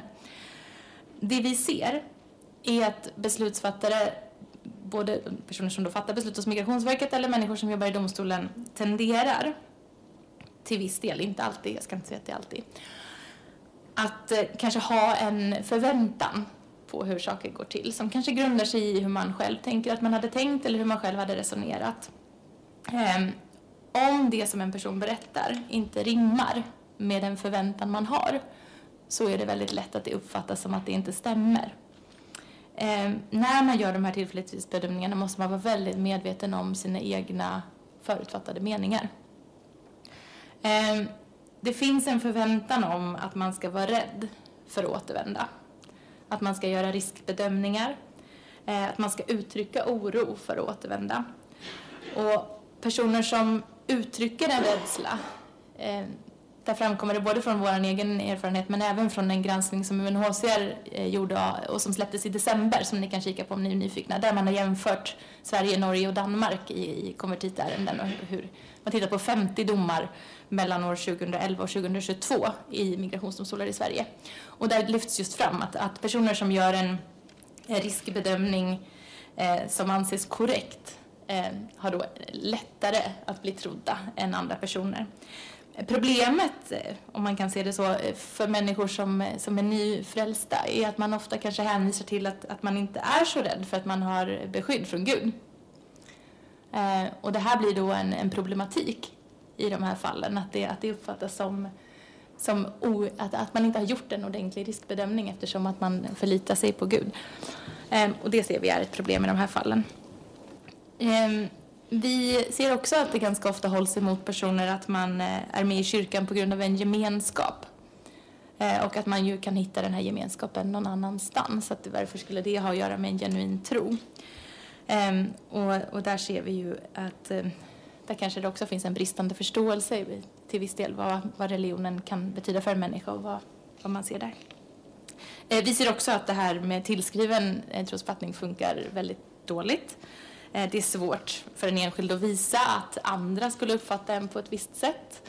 Eh, och det är någonting som inte alltid undersöks tillräckligt noggrant. Eh, vi ser Eh, när vi gör jämförelser mellan de ärenden som, eh, eh, som hanteras i grundprocessen, det vill säga när, när man då, som inte är efter att utvisningsbeslutet har vunnit laga kraft och man befinner sig på verkställighetsstadiet, ehm, om man jämför då ärenden där man har kommit in på verkställighetsstadiet, det vill säga man har fått en ny prövning, så är det så att får man en ny prövning då görs utredningen på det som kallas för förvaltningsprocessenheten hos Migrationsverket. Och där sitter erfarna processförare och det är de som då håller intervjuerna. Vi ser att där får man mer tid. Det är bättre avsatt tidsåtgång för att göra de här utredningarna. Vi ser att, eh, att processförarna som håller utredningarna där har eh, ofta mer kunskap om, om religion, ställer bättre frågor. Däremot så är det, om man får säga så, en del gamla rävar som jobbar på förvaltningsprocesenheten och bedömningarna är betydligt hårdare i det stadiet än på grundstadiet. Eh, på grundstadiet däremot, eh, vid en vanlig asylprövning, eh, så ser vi att det är lite lägre kvalitet på frågor. Man har lite, lite mindre kompetens, lite mindre kunskap, vilket kanske inte är så konstigt. Det är hög omsättning av personalen på Migrationsverket. Det är snabba, snabba utbildningsinsatser innan man kommer i, i, igång med att jobba med asylutredningar. Ehm, kan man inte lika mycket om religion så blir också kunskapsfrågorna sämre. Vi tycker dock att vi ser att det har blivit en förbättring när det gäller vilka frågor som ställs. Att det är, finns en bättre koppling mellan vilken fråga och vilken inriktning ehm, personen har på sin religion än vad vi har sett tidigare. Ehm, det, det, det, är ju någonting otroligt komplext med de här ärendena. Att göra tillförlitlighetsbedömningar är alltid komplext. Att avgöra om en människas tro är genuin är en otroligt svår uppgift. Det tror jag att man måste vara, vara tydlig med. Ehm, det är ingen enkel uppgift att avgöra om en människa är genuin i sin tro eller inte. Speciellt utifrån att människor är olika. Ehm, förutsättningarna för att kunna beskriva Eh, varför, eh, hur, ser olika ut mellan olika människor. Både utifrån tidigare erfarenheter, trauma, utbildningsbakgrund och personlighet. Ehm, vi, ehm, vi, eh, vi menar någonstans ändå att trots att det här handlar om supersvåra bedömningar så är det jätteviktigt att få in ett beslutsunderlag som är av hög kvalitet. Och det handlar om att utreda rätt saker, att man är tillräckligt påläst, att man frågar rätt saker, men också att man är uppmärksam på vem det är man har att göra med och vem man pratar med. Det handlar om att eh, ha tillräckligt mycket utredningstid, att Migrationsverket faktiskt eh, kallar till en, en muntlig komplettering ifall man behöver utreda mer. Och det är ju ytterst en ekonomifråga, att Migrationsverket har tillräckliga resurser för att kunna göra tillräckliga utredningar. Eh, det är bra med den utbildningsinsats som Migrationsverket gör tillsammans med bland annat Svenska, eh, Sveriges kristna råd där man har tagit in experter som deltar som en del i de utbildningarna. Och det har gett effekt i att frågorna har blivit bättre. Men vi ser att man behöver ta ett grepp kring de här tillförlitlighetsbedömningarna. Eh, man ska inte göra bedömningen av om det var rätt val att konvertera. Att det var ett klokt val utifrån hur riskerna ser ut. Det är inte den bedömningen som ska göras. Utan det handlar om att göra en samlad bedömning där man tar hänsyn till skriftliga intyg, där man tar hänsyn till aktuell landinformation och där man tar intryck av praxis från internationella instanser. Jag nämnde den här UNHCR-rapporten som släpptes i december 2023. Ehm, och eh, en gemensam nämnare för de här ärendena ehm, var att det fanns bristande hänvisningar till landinformation, inga hänvisningar till Europadomstolens eller EU-domstolens praxis. Ehm, där, därmed, däremot så visade det på subjektiva faktorer ibland bedömningarna, alltså att, att beslutsfattares egna åsikter eh, kom fram. Den här granskningen gjordes inte bara av domar, av de själva domarna ska jag säga, utan det gjordes också av, genom intervjuer med ett antal personer som var inblandade i att ta fram de här domarna. Ehm, UNHCR-rapporten visade också på en skillnad eh, mellan vilken vikt man fäster vid den skriftliga bevisningen Eh, mellan Sverige och Danmark. Eh, där i svenska ärenden så tyckte man att det domstolarna uttryckte un, uttryckligen eller underförstått att det här skriftliga bevismaterialet kunde ge ett visst stöd. Eh, men man menade samtidigt från UNHCRs håll att det kanske inte gavs tillräcklig vikt vid den här sammanvägda bedömningen, precis som ni var inne på. Eh, mm, vi möter ju en hel del eh, personer som har skrivit intyg ifrån sin yrkesroll i kyrkor på olika sätt, som upplever att man inte blir lyssnade på. Eh, att man inte får, heller får komma som vittnen till, till domstolen. Det är ju också en möjlighet, eh, ifall man upplever en person som inte är genuin, att man faktiskt har en muntlig förhandling i de här fallen i domstol. Eh, men där ser vi att, att, dom, att domstolen kanske inte heller har tillräckligt med tid eller upplever sig ha tillräckligt med tid för att kalla eh, vittnen utan att de då väljer att fokusera tiden på den sökande själv eh, om man vill utreda. Eh, att det finns en, en uppfattning hos rådmän om att de kanske inte kommer få ut någonting så mycket av att höra eh, personerna från kyrkan i de här fallen. Eh, så att det finns, det finns en hel del att göra. Eh, och eh, det, det sista jag vill nämna det handlar om just den här misstron som kan finnas också mot att det här ofta är skäl som kommer sent. Som kommer efter att man har fått ett utvisningsbeslut. Um, och där är det ju så att UNHCR har tryckt på detta och vi vill också trycka på det här att, att, att konvertera är en process. Det är någonting som naturligt tar tid. Uh, så att, att det ska finnas en skepticism mot att det är skäl som kommer sent i processen, den biten behöver man nog komma ifrån. Men det finns en skepticism och det finns också en skepticism kopplad till om det är många personer från samma land som åberopar liknande skäl att det finns då en, en, slags, en slags förutfattad mening om att det här är nog inte genuint utan det är nog bara ett sätt att få stanna i Sverige. Och de bitarna behöver man nog komma ifrån om man ska kunna göra ordentliga tillförlitlighetsbedömningar. Eh, det sista, om jag säger en sak till, är att det är synd att Migrationsverket inte är här. Eh, Migrationsverket, jag vet att Migrationsverket jobbar för att, eh, att ta fram utbildningar och ta fram material Eh, Eh, men Migrationsverket har också en, en vana att hänvisa till att vårt beslut är ju inte det sista. Man kan ju överklaga våra beslut. Eh, och det är sant, oftast. Eh, inte all, I alla typer av verkställighetshinder kan man inte göra det. Det är bara om det handlar om skyddsskäl som det går att överklaga på verkställighetsstadiet. Men vi ser att det går att överklaga i asylärenden, men runt 7 procent, när jag tittade senast, ändras i domstol. Så att 93 procent av de beslut som Migrationsverket har fattat står ju fast. Vilket betyder att det är otroligt viktigt att det blir rätt i första instans.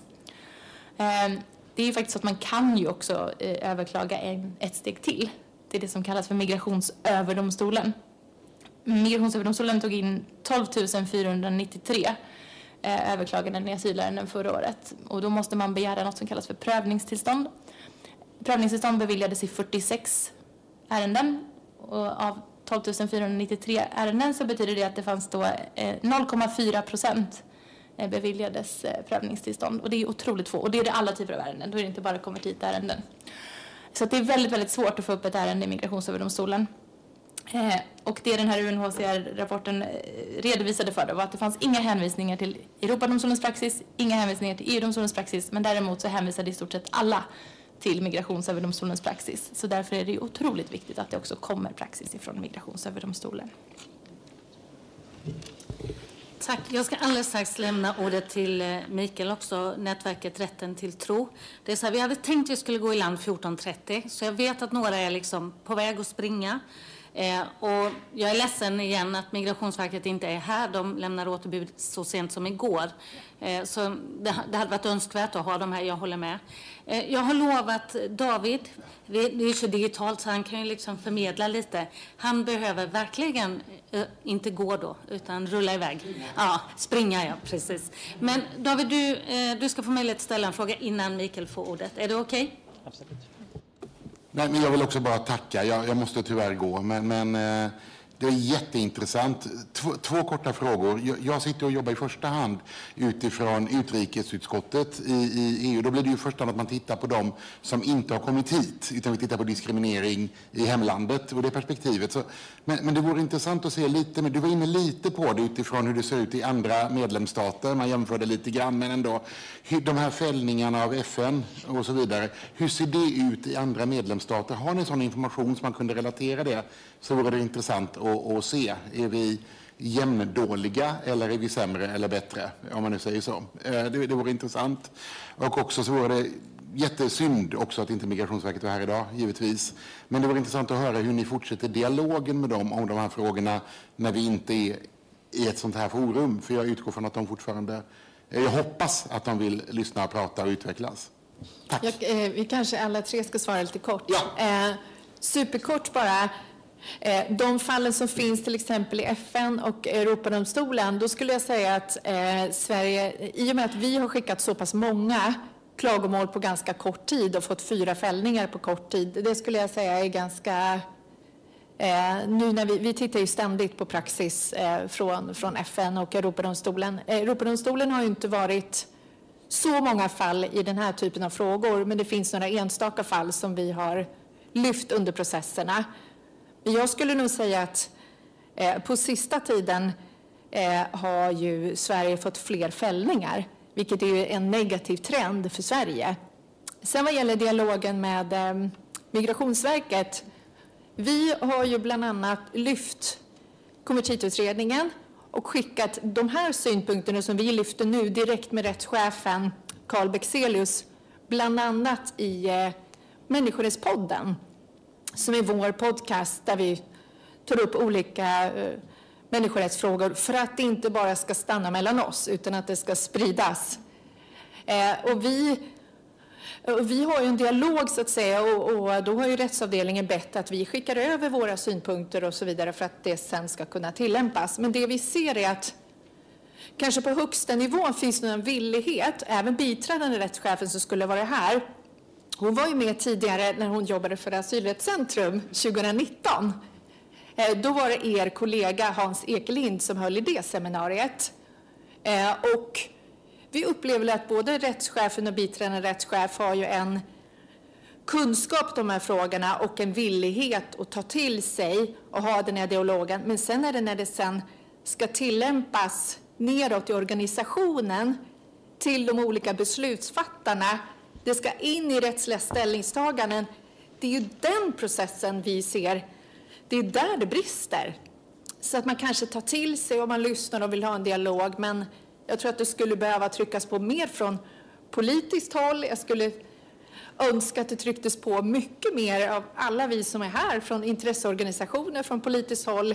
Eh, för då, i och med att det finns ändå en villighet från toppen att göra någonting, samma med de här utbildningarna, som vi var inne på, ja, man har haft några så här punktinsatser där man har tagit in till exempel några företrädare från Rätt till tro och utbildat, men man har inte de här utbilda alla handläggare systematiskt, regelbundet. Det är det som skulle behövas. Eh, men det finns ju jättemycket att göra både från politiskt håll och intresseorganisationer för att, och inte minst ni journalister ska ju lägga på Migrationsverket hur man följer upp det här. Jättebra frågor. Mm. Vill ni komplettera? Nej, jag har inte så mycket att tillägga. Jag, jag delar den bilden. Jag tycker att, att, högst upp i Migrationsverket så finns det en, en stor vilja, men det är ju en, en resursfråga. Så jag, jag, tänker där har ju politiken en jätteviktig roll att se till att Migrationsverket har de resurser man behöver. Jättebra. Mm. Super, jättebra. Ja, tack så jättemycket. Jag ska fatta mig kort. Eh, jag talar idag för Rätt till tro som är ett nätverk som hjälper asylsökande kristna konvertiter. Eh, och i det nätverket så finns representanter från Pingströrelsen, kyrkan, Alliansmissionen, Evangeliska Frikyrkan, Trosrörelsen och Frälsningsarmén. Så jag har konverserat med de andra representanterna i nätverket och även haft kontakt med flera av samfundsledarna inför det här seminariet. Och jag kan verkligen bekräfta den bild som har porträtterats upp här idag. Eh, Församlingarnas alltså och samfundens väldigt tydliga bild är att Sverige har utvisat och fortsätter utvisa kristna konvertiter till auktoritära länder där de förföljs. Eh, och det här är ju församlingsmedlemmar, vänner, i vissa fall familjemedlemmar som inte bara blir misstrodda, förnedrade när de får höra att deras tro inte är verklig utan de utsätts dessutom för livsfara. Och som Rut Nordström nämnde tidigare, de Eh, talibaner och säkerhetspoliser som Sverige då har utvisat flera av de här till har ju inte alls samma höga standard för att avgöra om någon är kristen än vad Migrationsverket många gånger verkar ha. Eh, kristna konvertiter i Afghanistan har befunnit sig i livsfara bara för att ha haft bibelappen på telefonen eller för att ha en sms-konversation med en pastor i Sverige. Och jag har pratat med flera präster och pastorer som är bestörta över att deras kompetens, deras intyg, deras dopbevis sällan har någon särskild tungvikt i asylprövningen. Och de metoder som Migrationsverket använder för att underkänna församlingsledares bedömning eh, verkar inte ha någon vetenskaplig grund alls, stämmer inte överens med hur religionsvetare, varken i Sverige eller internationellt, eh, bedömer att en konversion har ägt rum. Och när man applicerar Migrationsverkets metoder på svenska medborgare som är kristna så får man ganska bisarra resultat. Eh, så jag och några vänner lanserade ett test som hette ärjagkristen.nu för eh, fem år sedan. Eh, som över 200 000 personer som identifierar sig som kristna i formuläret tog på ganska kort tid, det gick bara två månader. Eh, och eh, av de 200 000 så var det 300 personer som hade fått mer än 60 procent rätt av de här frågorna som då alla hade faktiskt ställts i förhör med asylsökande konvertiter från Migrationsverket. Frågor som till exempel hur många delar har Nya Testamentet? Vad är skillnaden mellan den protestantiska och den ortodoxa kyrkan? Och vad är det som står i Matteus 10.34? Även mer kvalitativa frågor där då den asylsökande får beskriva med egna ord sin tro eller känslor som varit inne på är ett väldigt komplicerat mått på genuin tro. Eh, den första konvertitutredningen som kom 2019 visade att lågutbildade och analfabeter är överrepresenterade bland de som får avslag. Så är det som mäts verkligen tro eller är det vokabulär och förmåga att uttrycka sig? Kompetensen och det kristna vokabuläret hos då både handläggare och även tolkar är ofta skrämmande dåligt och vi har sett flera fall på att det har bidragit till felaktiga beslut vilket ju ökar rättsosäkerheten väldigt stort. Pastorer och präster är några av dem som är bäst i det här landet på att förkunna och känna igen kristen tro. Och vår bedömning är att de gör det för det mesta korrekta bedömningar.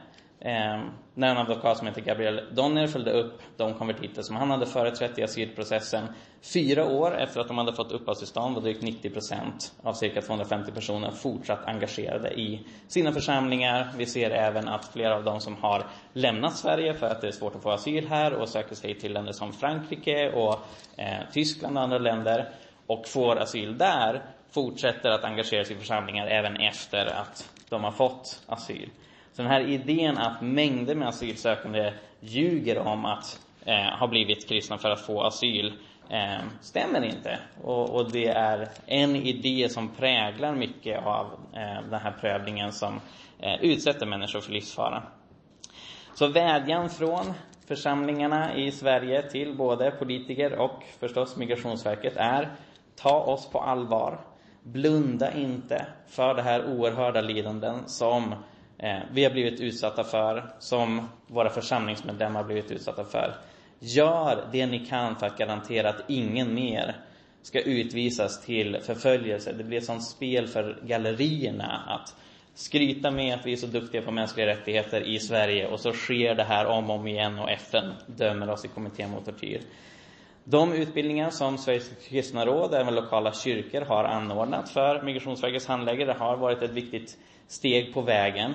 Men som vi varit inne på, det behöver ske mer regelbundet, det behöver vara mer heltäckande, det behöver ske i högre utsträckning. Eh, och vi behöver se större förändringar, som vi var inne på, på eh, den faktiska eh, lägsta nivån när en handläggare möter en asylsökande. För de metoder som Migrationsverket just nu använder för att avgöra konversion stämmer inte överens med församlingarnas bedömning av vad en kristen tro är. Och det stämmer inte heller överens med hur religionsvetare och teologer bedömer kristen tro och konversion. Så församlingen och samfunden som jag idag representerar vill ha mycket mer dialog, både med Migrationsverket och även med riksdagen om det här. Det är en utsträckt hand som vi hoppas att ni tar. Tack så mycket. Tack så jättemycket. Liksom, Exemplariskt kort och jag ska inte prata sönder utan nu tänker jag att jag lämnar fritt för några frågor och jag kan tänka mig att vara beredd att köra över någon minut om inte ni är för stressade. Så, men jag vet, Annika, du, du vet ju vad du heter så då kan jag säga det, behöver jag inte peka bara. Varsågod. Tack eh, och tack till er alla för den här genomgången. Eh, det här är ju otroligt allvarligt att eh, det här fortsätter. Eh, och eh, eh, ja, tyvärr stämmer det överens med den bilden som jag också får i mina kontakter med både asylsökande, advokater och stödpersoner. Jag har en fråga kopplat till det som Louise nämnde inledningsvis om den här utredningen om preskriptionstid. Att i praktiken avskaffar man så att säga möjligheten att få ett beslut preskriberas för personer som inte lämnar Sverige, eh, vilket ju många inte vågar. Eh, och jag, det som jag har lärt mig är ju att just den här, det här faktumet att konversion är en process. Även om konversionen skulle ha skett innan man kom till Sverige så kan det vara svårt att ha liksom levt ut det eh, i ett hemland där kristen eh, tro inte accepteras eller där man riskerar förföljelse. Det kan vara svårt även inledningsvis i Sverige om man har familjemedlemmar eller Eh, nätverk som inte skulle acceptera en konvention. Så jag funderar liksom på implikationerna av det här eftersom många har berättat att det är först vid den andra prövningen som man kanske har kunnat leva ut sin kristna tro eh, liksom fullt ut och att det egentligen är först då när det har preskriberats en gång som det finns en chans att få asyl. Delar ni den eh, liksom, beskrivningen? Eh, det var riktat till dig först. Ja. Mm. Um. Jag, vet, jag, vågar faktiskt inte svara. Jag, jag, vet inte, jag har inte haft tillräckligt mycket sådana ärenden själv, liksom där jag ser en andra, en andra process. Um, men det vi det vi ser är väl att till oss så kommer det ju ofta när man har ett giltigt utvisningsbeslut att det inte är preskriberat. När det, när det börjar om på nytt så får man ofta ett annat offentligt biträde än oss. Eh, så att vi, vi har ju främst de här när man har, man har en överhängande utvisning, man har konverterat eh, och sättet man då har till buds är att försöka få en ny prövning där man då ska få ge uttryck för de här skälen. Eh, och de bedömningarna när det kommer till verkställighetshinder är ju väldigt snäva, det är väldigt svårt. Eh, vi får väldigt sällan till en ändring. Däremot kan man säga att när det gäller just eh, konvertitärenden så ser vi att där har ju den skriftliga bevisningen väldigt stor betydelse. För att man ska få en ny prövning så behöver man ha intyg. Och sen hur de vägs in i, i själva bedömningen sen av vad man anses om man då får en ny prövning sen, då får man göra alltså en utredning och där avgörs det ifall man ska beviljas uppehållstillstånd eller inte. Så att det här första steget är ju bara för att komma dit. Ehm, men, men det är svårt att få nya prövningar. Och det såg man ju i de här fallen som ni tog upp också, att där handlade det just om att man inte hade fått en ny prövning och sen, sen pausades det då av, av FN. Um, så att, men, men det är klart att i, i en liksom grundprocess där man då har möjlighet att söka på nytt, Migrationsverket ska ut, då, då har man ju kanske hunnit vara i Sverige en längre tid, man har mer kontakter. Um, det är en grundligare process. Man har liksom rätt att få komma till tals. Medan i det här verkställighetsstadiet så har man ju inte en rätt att få en ny prövning. Så allting hänger ju på om man lyckas övertala Migrationsverket att få det. Och det som är extra komplicerat då är ju att för att du ska få en ny prövning så måste det finnas de här nya omständigheterna. Och det betyder, ju, har du ju en gång åberopat din konvention och sen kommer du göra det igen, då kommer ju Migrationsverket säga att det där är ingen ny omständighet, det har vi tagit hänsyn till tidigare. Så det, man har ju en, i praktiken en chans att få en sån där ny prövning. Jag kan komplettera och säga att vi har ju väldigt många eh, av alla de här typerna av processer eh, och det jag ska säga där man får en ny prövning trots att man har anfört konvention tidigare är ju om det är en, en ny hotbild som man kan styrka eller att man kanske har döpt sig, man kanske inte hade döpt sig tidigare.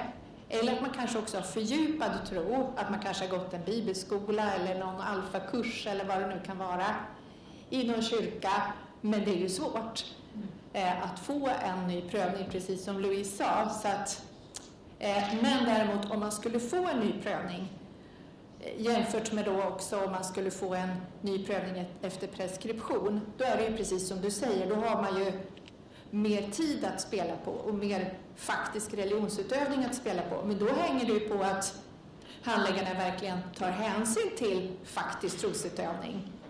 Och inte bara till exempel gå på verbal förmåga, intellektuell förmåga eller förmågan att liksom, ja, uttrycka sig på det sättet som förväntas. Eh, intellektuella resonemang till exempel.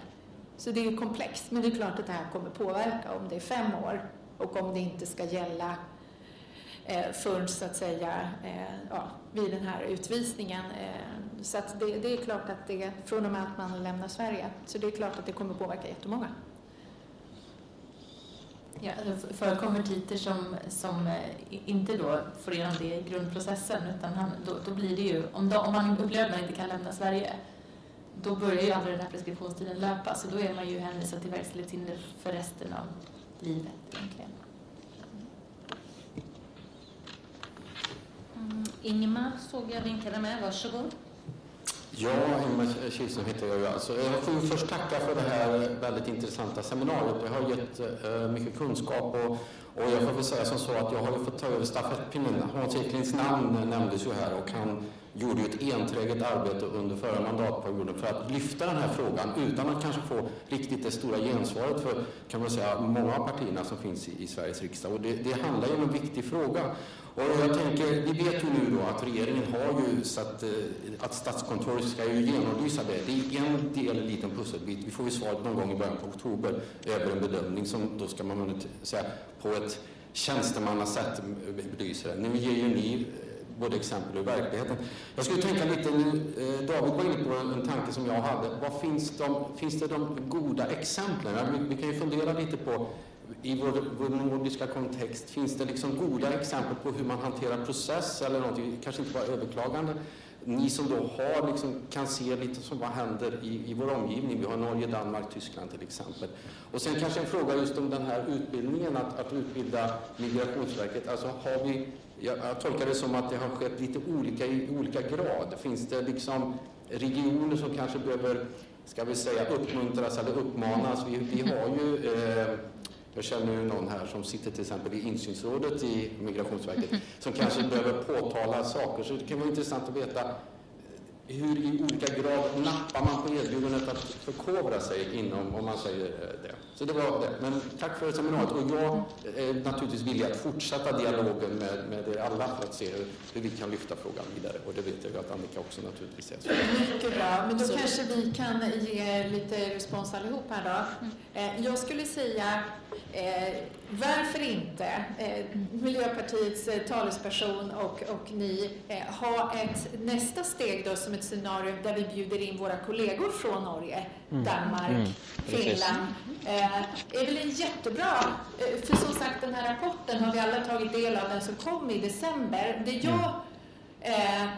reagerade lite på där var att det var Eh, det var, man hade inte tagit med de som jobbar kanske aktivt med de asylsökande på samma sätt utan det var ganska teoretiskt, eh, det seminariet som var kring det. Så att jag skulle tycka det vore superintressant att man sträcker ut handen till UNHCR som arrangerade det seminariet och sen få in våra representanter då och våra kollegor, både som jobbar politiskt men också från myndighet men också vi som jobbar direkt med de asylsökande i de juridiska processerna. Och då skulle man ju kunna presentera den rapporten och den skillnaden.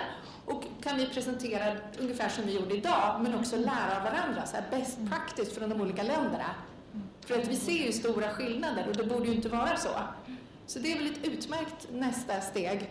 Och sen vad gäller utbildning, jag tror att det är en av de absolut viktigaste frågorna att lyfta, därför att vi upplever, som jag sa, en villighet från rättschefen och så vidare att ta till sig detta.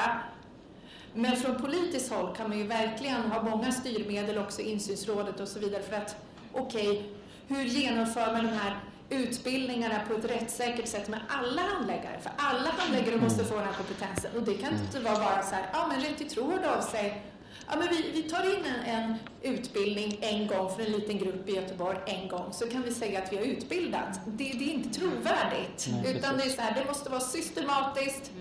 Det måste vara för alla handläggare. Och jag skulle säga, de här FN-besluten, kan man mm. förklara för handläggarna vad de här innebär? Vi skulle mm. direkt se en stor förändring. Mm. Så det är väl två utmärkta initiativ att gå vidare med och vi är jättegärna med i samarbetspartners i det.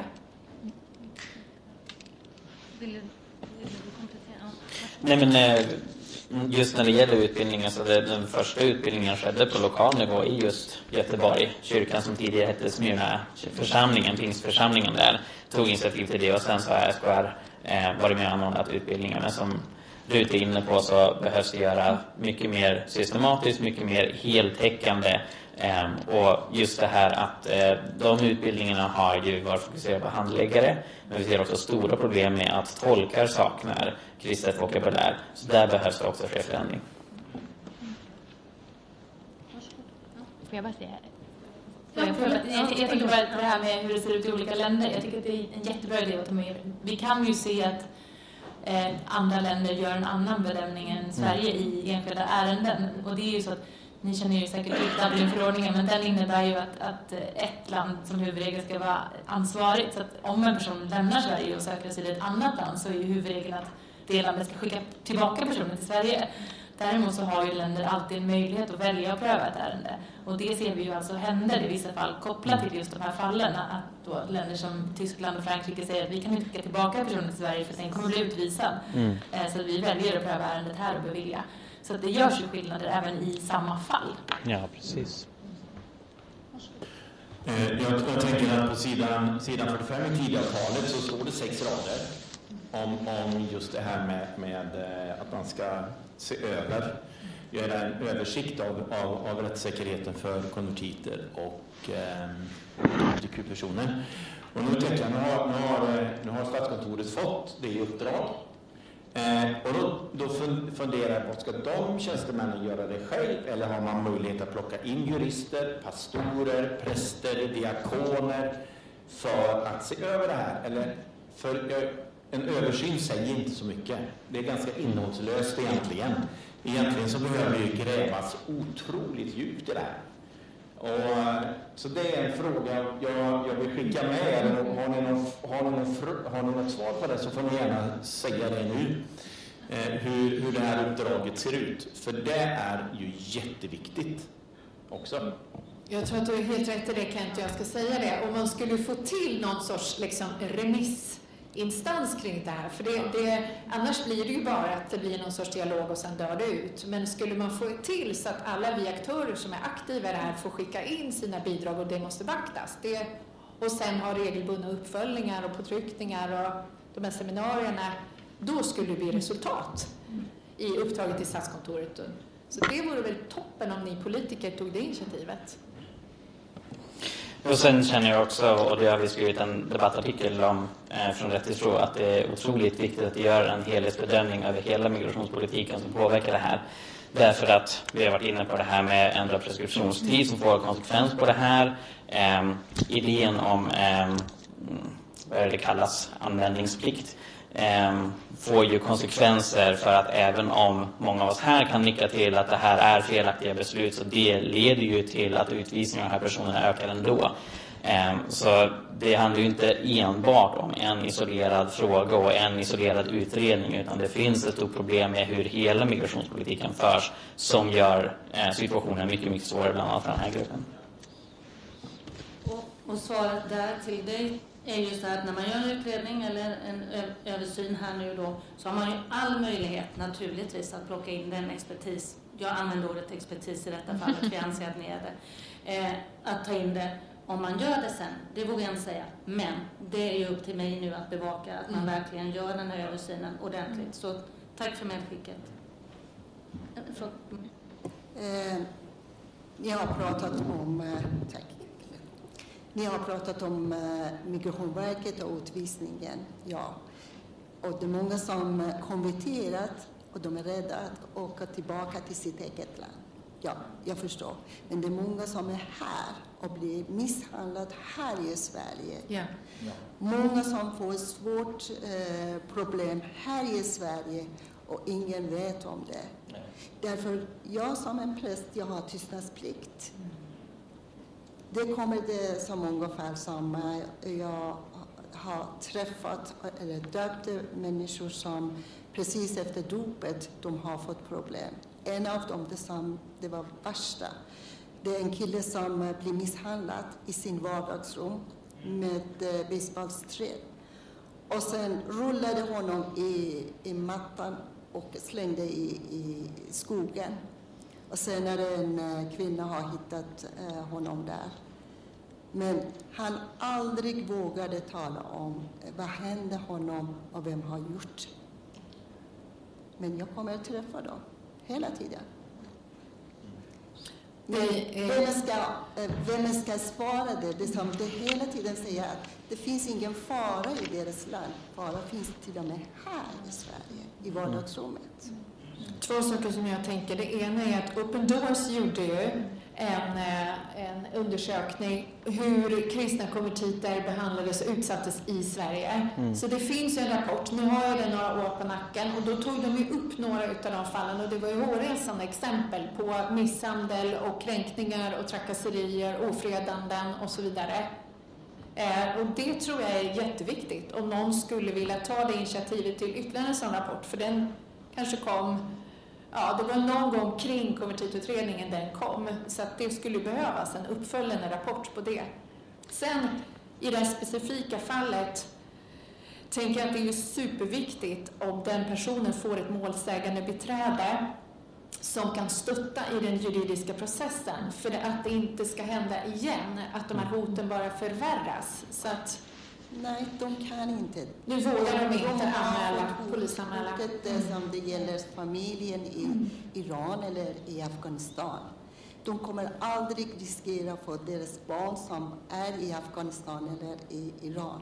De är jätterädda, de kommer inte göra det. Men man måste lita på situationen. Jag levde som en muslim. Muslim kan inte vara neutral.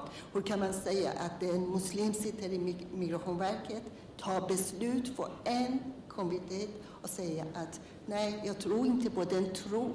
Hur kan du veta om tron? Och vi har ju haft de exemplen kan jag säga. Rebecka, du hade ju en kvinna som eh, hade hijab som eh, inte hade, visst var det du som hade det fallet? Ja, just det var, här med neutraliteten. var, var uppe i media och där var det ju, inte just för att hon hade hijab, men, men det, det var ju en, han var tvungen att ursäkta sig för henne för han upplevde själv att, att det var svårt att presentera sin tro för en muslim. Eh, men också att det var väldigt stora kunskapsbrister. Alltså han fick själv förklara vad Fader vår var, eller en oblat eller nattvard. Så att kunskapsbristen var uppenbarligen väldigt låg hos, hos handläggaren i det fallet.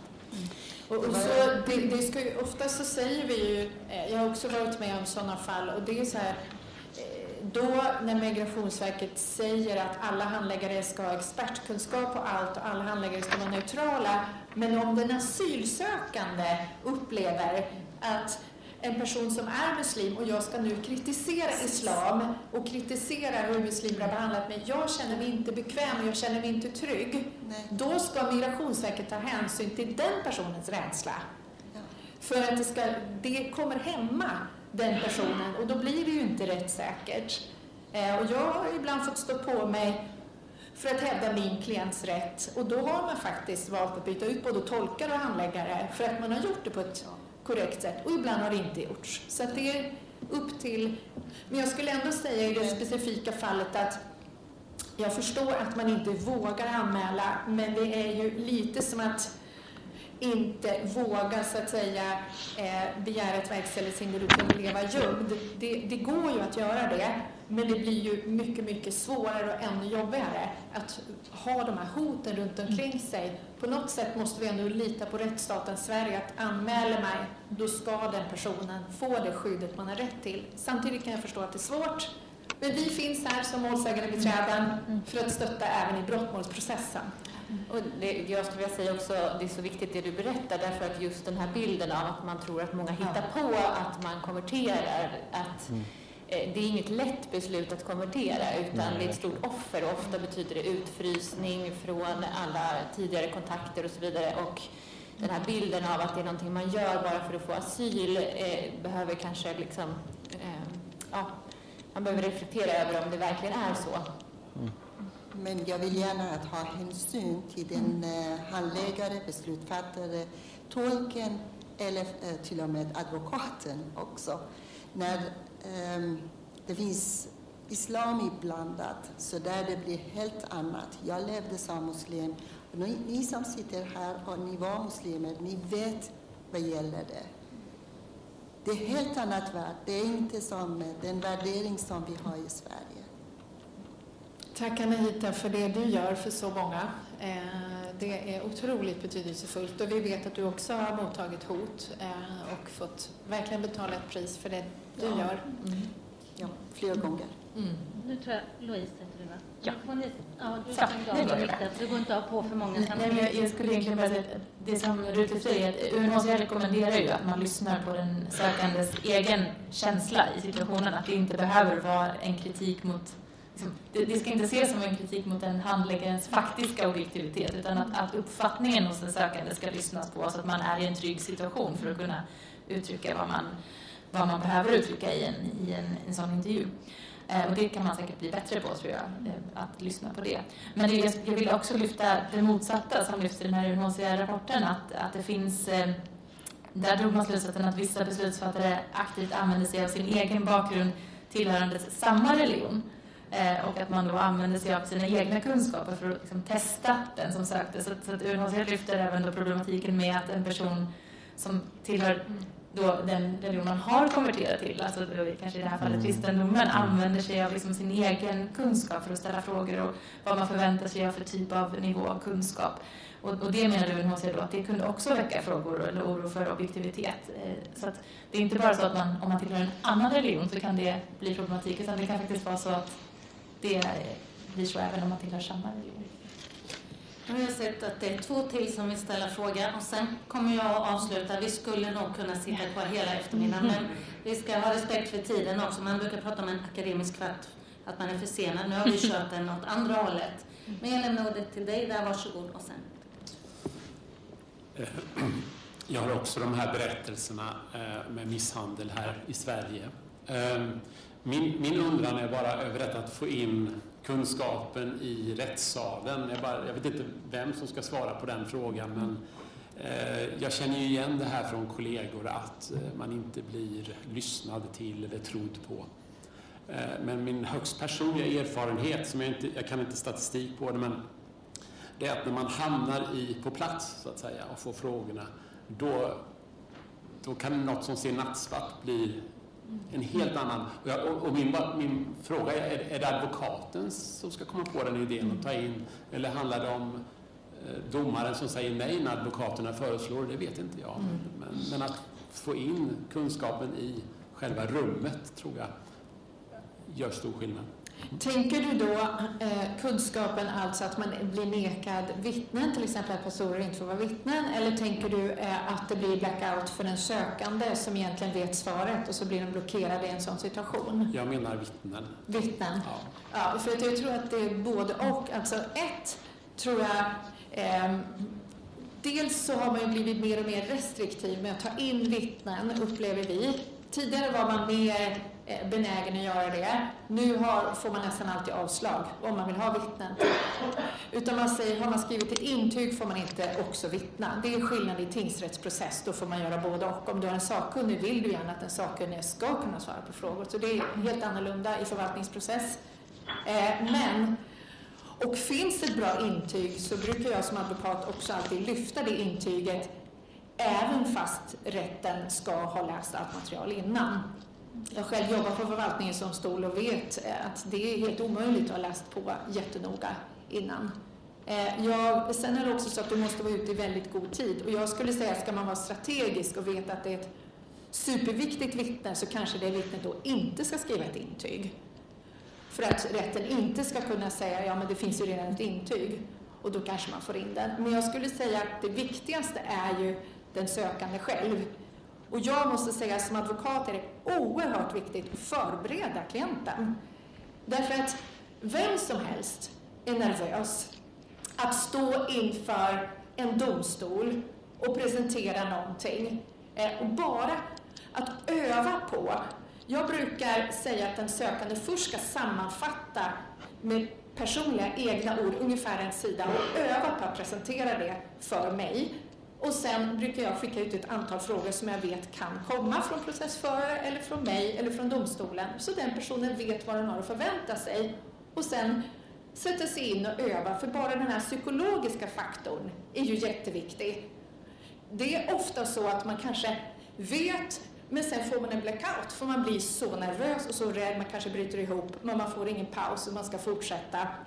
Så jag tror att de faktorerna är också jätteviktiga och här kan ju kyrkorna göra jättemycket för att vara med och gå den här resan tillsammans och förbereda den asylsökande på den här rättsprocessen. Och vi ser ofta att har man förberett den asylsökande väl så blir ju utfallet till absolut bästa. Då vet de, jag har gjort mitt absolut bästa, det hade inte kunnat gå bättre.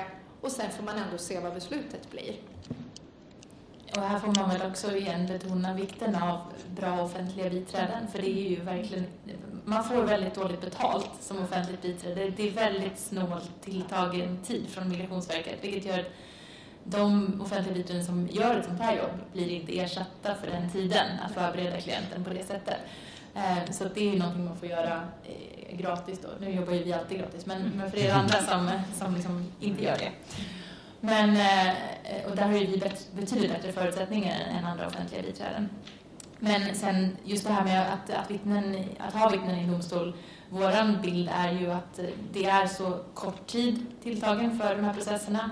Det är en, det är en, och då vill man fokusera den tiden på den sökande. Man måste ju få tänka någonstans att i alla, nästan alla de här fallen har man ju tolk, vilket gör att hälften av tiden faller bort. Mm. Så det, det, det, är otroligt kort tid. Och den tiden väljer domstolen inte att lägga på vittnen om de inte anser att det liksom är nödvändigt. Och förvaltningsprocessen är som huvudregel skriftlig och då hänvisar man till det. Så att tid och pengar eh, hos domstolen och hos Migrationsverket för att kunna göra ordentliga utredningar. Mm. Jag vill bara koppla med uh, vad uh, Anahita såg eftersom det, det är jättekatastrof att vi har människor från muslimiska bakgrund, de har beslut för människor kommer konvertera från islam till kristendom. Och vad händer att de, vi måste förstå att deras lo lojalitet till, till islam är jättehögre sen, än vad, vad de har för deras jobb eller vad de gör. Mm. Och min fråga är varför vi kan inte uh, fråga att förändra, förändra de, de, uh, eh, eh, handläggare till exempel. Och eftersom jag har frågat för det i mitt, uh, mitt situation, någon säger nej, du kan inte. Men efter de, de, de bytte honom för andra saker, jag vet inte varför. Men, men uh, varför vi kan inte säga så? Eftersom det, det, det, det är jätteviktigt. Det är, jätte, det, det är jätteviktigt att vi har att göra så. Det är en sak. Och det andra sak, uh, hur de, de kan ha en beslut eftersom de förstår ingen kristendom och, och islam faktiskt. Uh, I min ansikt, de känner inte båda. Jag skulle säga att det är också faktiskt det offentliga biträdets och advokatens roll att tillvarata sin klients intressen. Och jag vet många som kanske inte vågar göra det för de tycker det är obehagligt att ta en konfrontation med handläggaren och så vidare. Men det är vår huvuduppgift. Så att jag gör alltid det. Om min klient uttrycker att det är obekvämt med tolken eller handläggaren, om de känner sig rädda, om de känner sig begränsade, hämmade på något sätt, då får jag ta den stöten för min klient. Eh, så jag gör det. Eh, och, och säger handläggaren att de vägrar så säger jag alltid jag vill träffa din beslutsfattare. I all respekt, det handlar absolut inte om att diskvalificera någon, men min främsta lojalitet är hos min klient och det är mitt huvuduppdrag. Och när man får prata med en beslutsfattare och man får göra det på ett väldigt sakligt och korrekt sätt så upplever jag att jag har blivit lyssnad på och vet att mina kollegor också har blivit det. Sen finns det undantagsfall, men... Och din andra fråga, jag håller helt med dig. Eh, det är ju självklart att man måste ha en kunskap, eh, någon sorts liksom... Det måste finnas en, en utgångspunkt till vad det är man ska bedöma. Om man säger att det är kunskap, vad är det för kunskapsnivå? Om man säger att det är en central del av en religion, vilka är de centrala delarna? Det går ju inte att fatta ett beslut annars om man inte har en rättssäker ingång. Så att jag håller med dig om att det är superviktigt att man har kunskap. Eh, sen kan det vara som du säger att om man är kristen kanske man ställer för, för svåra frågor. Men vi såg samtidigt skillnaden från Göteborg och Jönköping tyckte jag var ganska slående. Att i Jönköping där det är väldigt många kristna att det kanske finns en större kunskap, fler kanske går till kyrkan och allmänt har mer kunskap och att det kanske därför också slog över positivt. Vi vet ju inte, det är spekulationer, men det var ändå skillnad på 40 och 80 procent mm. i två olika städer. Eh, så det är jättebra reflektion, jag håller helt med dig. Så, då reser jag på mig och så vill jag bara rikta ett stort tack till er som har medverkat eh, speciellt. Tack för alla kloka frågor, alla viktiga inspel som jag tar med mig. Jag har lovat att hälsa till alla ifrån både Magnus och Dan, som då ju inte kunde vara här. Eh, och välkomna tillbaka, för att det här är inte färdigpratat om på långa vägar. Tusen tack för att vi fick komma. Och två saker. Migrationsverkets rättschef skrev ju till Dan och Magnus och oss igår att hon gärna ville ha ett nytt seminarium i riksdagen mm. där hon fick komma. Och då kanske vi ska passa på att bjuda in UNHCR och nordiska kollegor. Och det andra, eh, ni, vi vill inte ta med oss de här tillbaka, utan eh, vi har tryckt upp de här för er. Så, så ta nu några extra ex och sprid i era nätverk så att den här informationen sprids. Och den finns också på hemsidan och vi har tryckt upp dem till er. Så tack för att vi fick komma och tack för det ni gör. Och vi väntar nu på nästa initiativ från er. Ja, tack. tack. Tackar.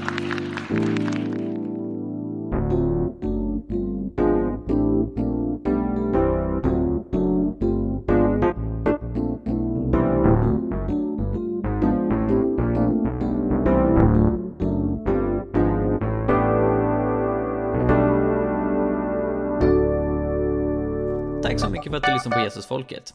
Om du vill höra mer, så se till att prenumerera på iTunes, Spotify eller valfri podcastapp. Du kan också lämna en recension, vilket är en eh, liten grej att göra som hjälper oss väldigt, väldigt mycket, så det uppskattar vi verkligen. Eh, du kan också läsa vår blogg, Hela Pingsten. Vi har mängder med artiklar där om andens gåvor, evangelisation, fred, rättvisa och allt möjligt annat som har med lärjungaskap att göra, så kolla in det. Och vi finns på sociala medier, du kan följa både Jesusfolket och hela pingsten på till exempel Facebook. Tack så mycket, Gud välsigne dig och eh, fortsätt vara en del av Jesusfolket.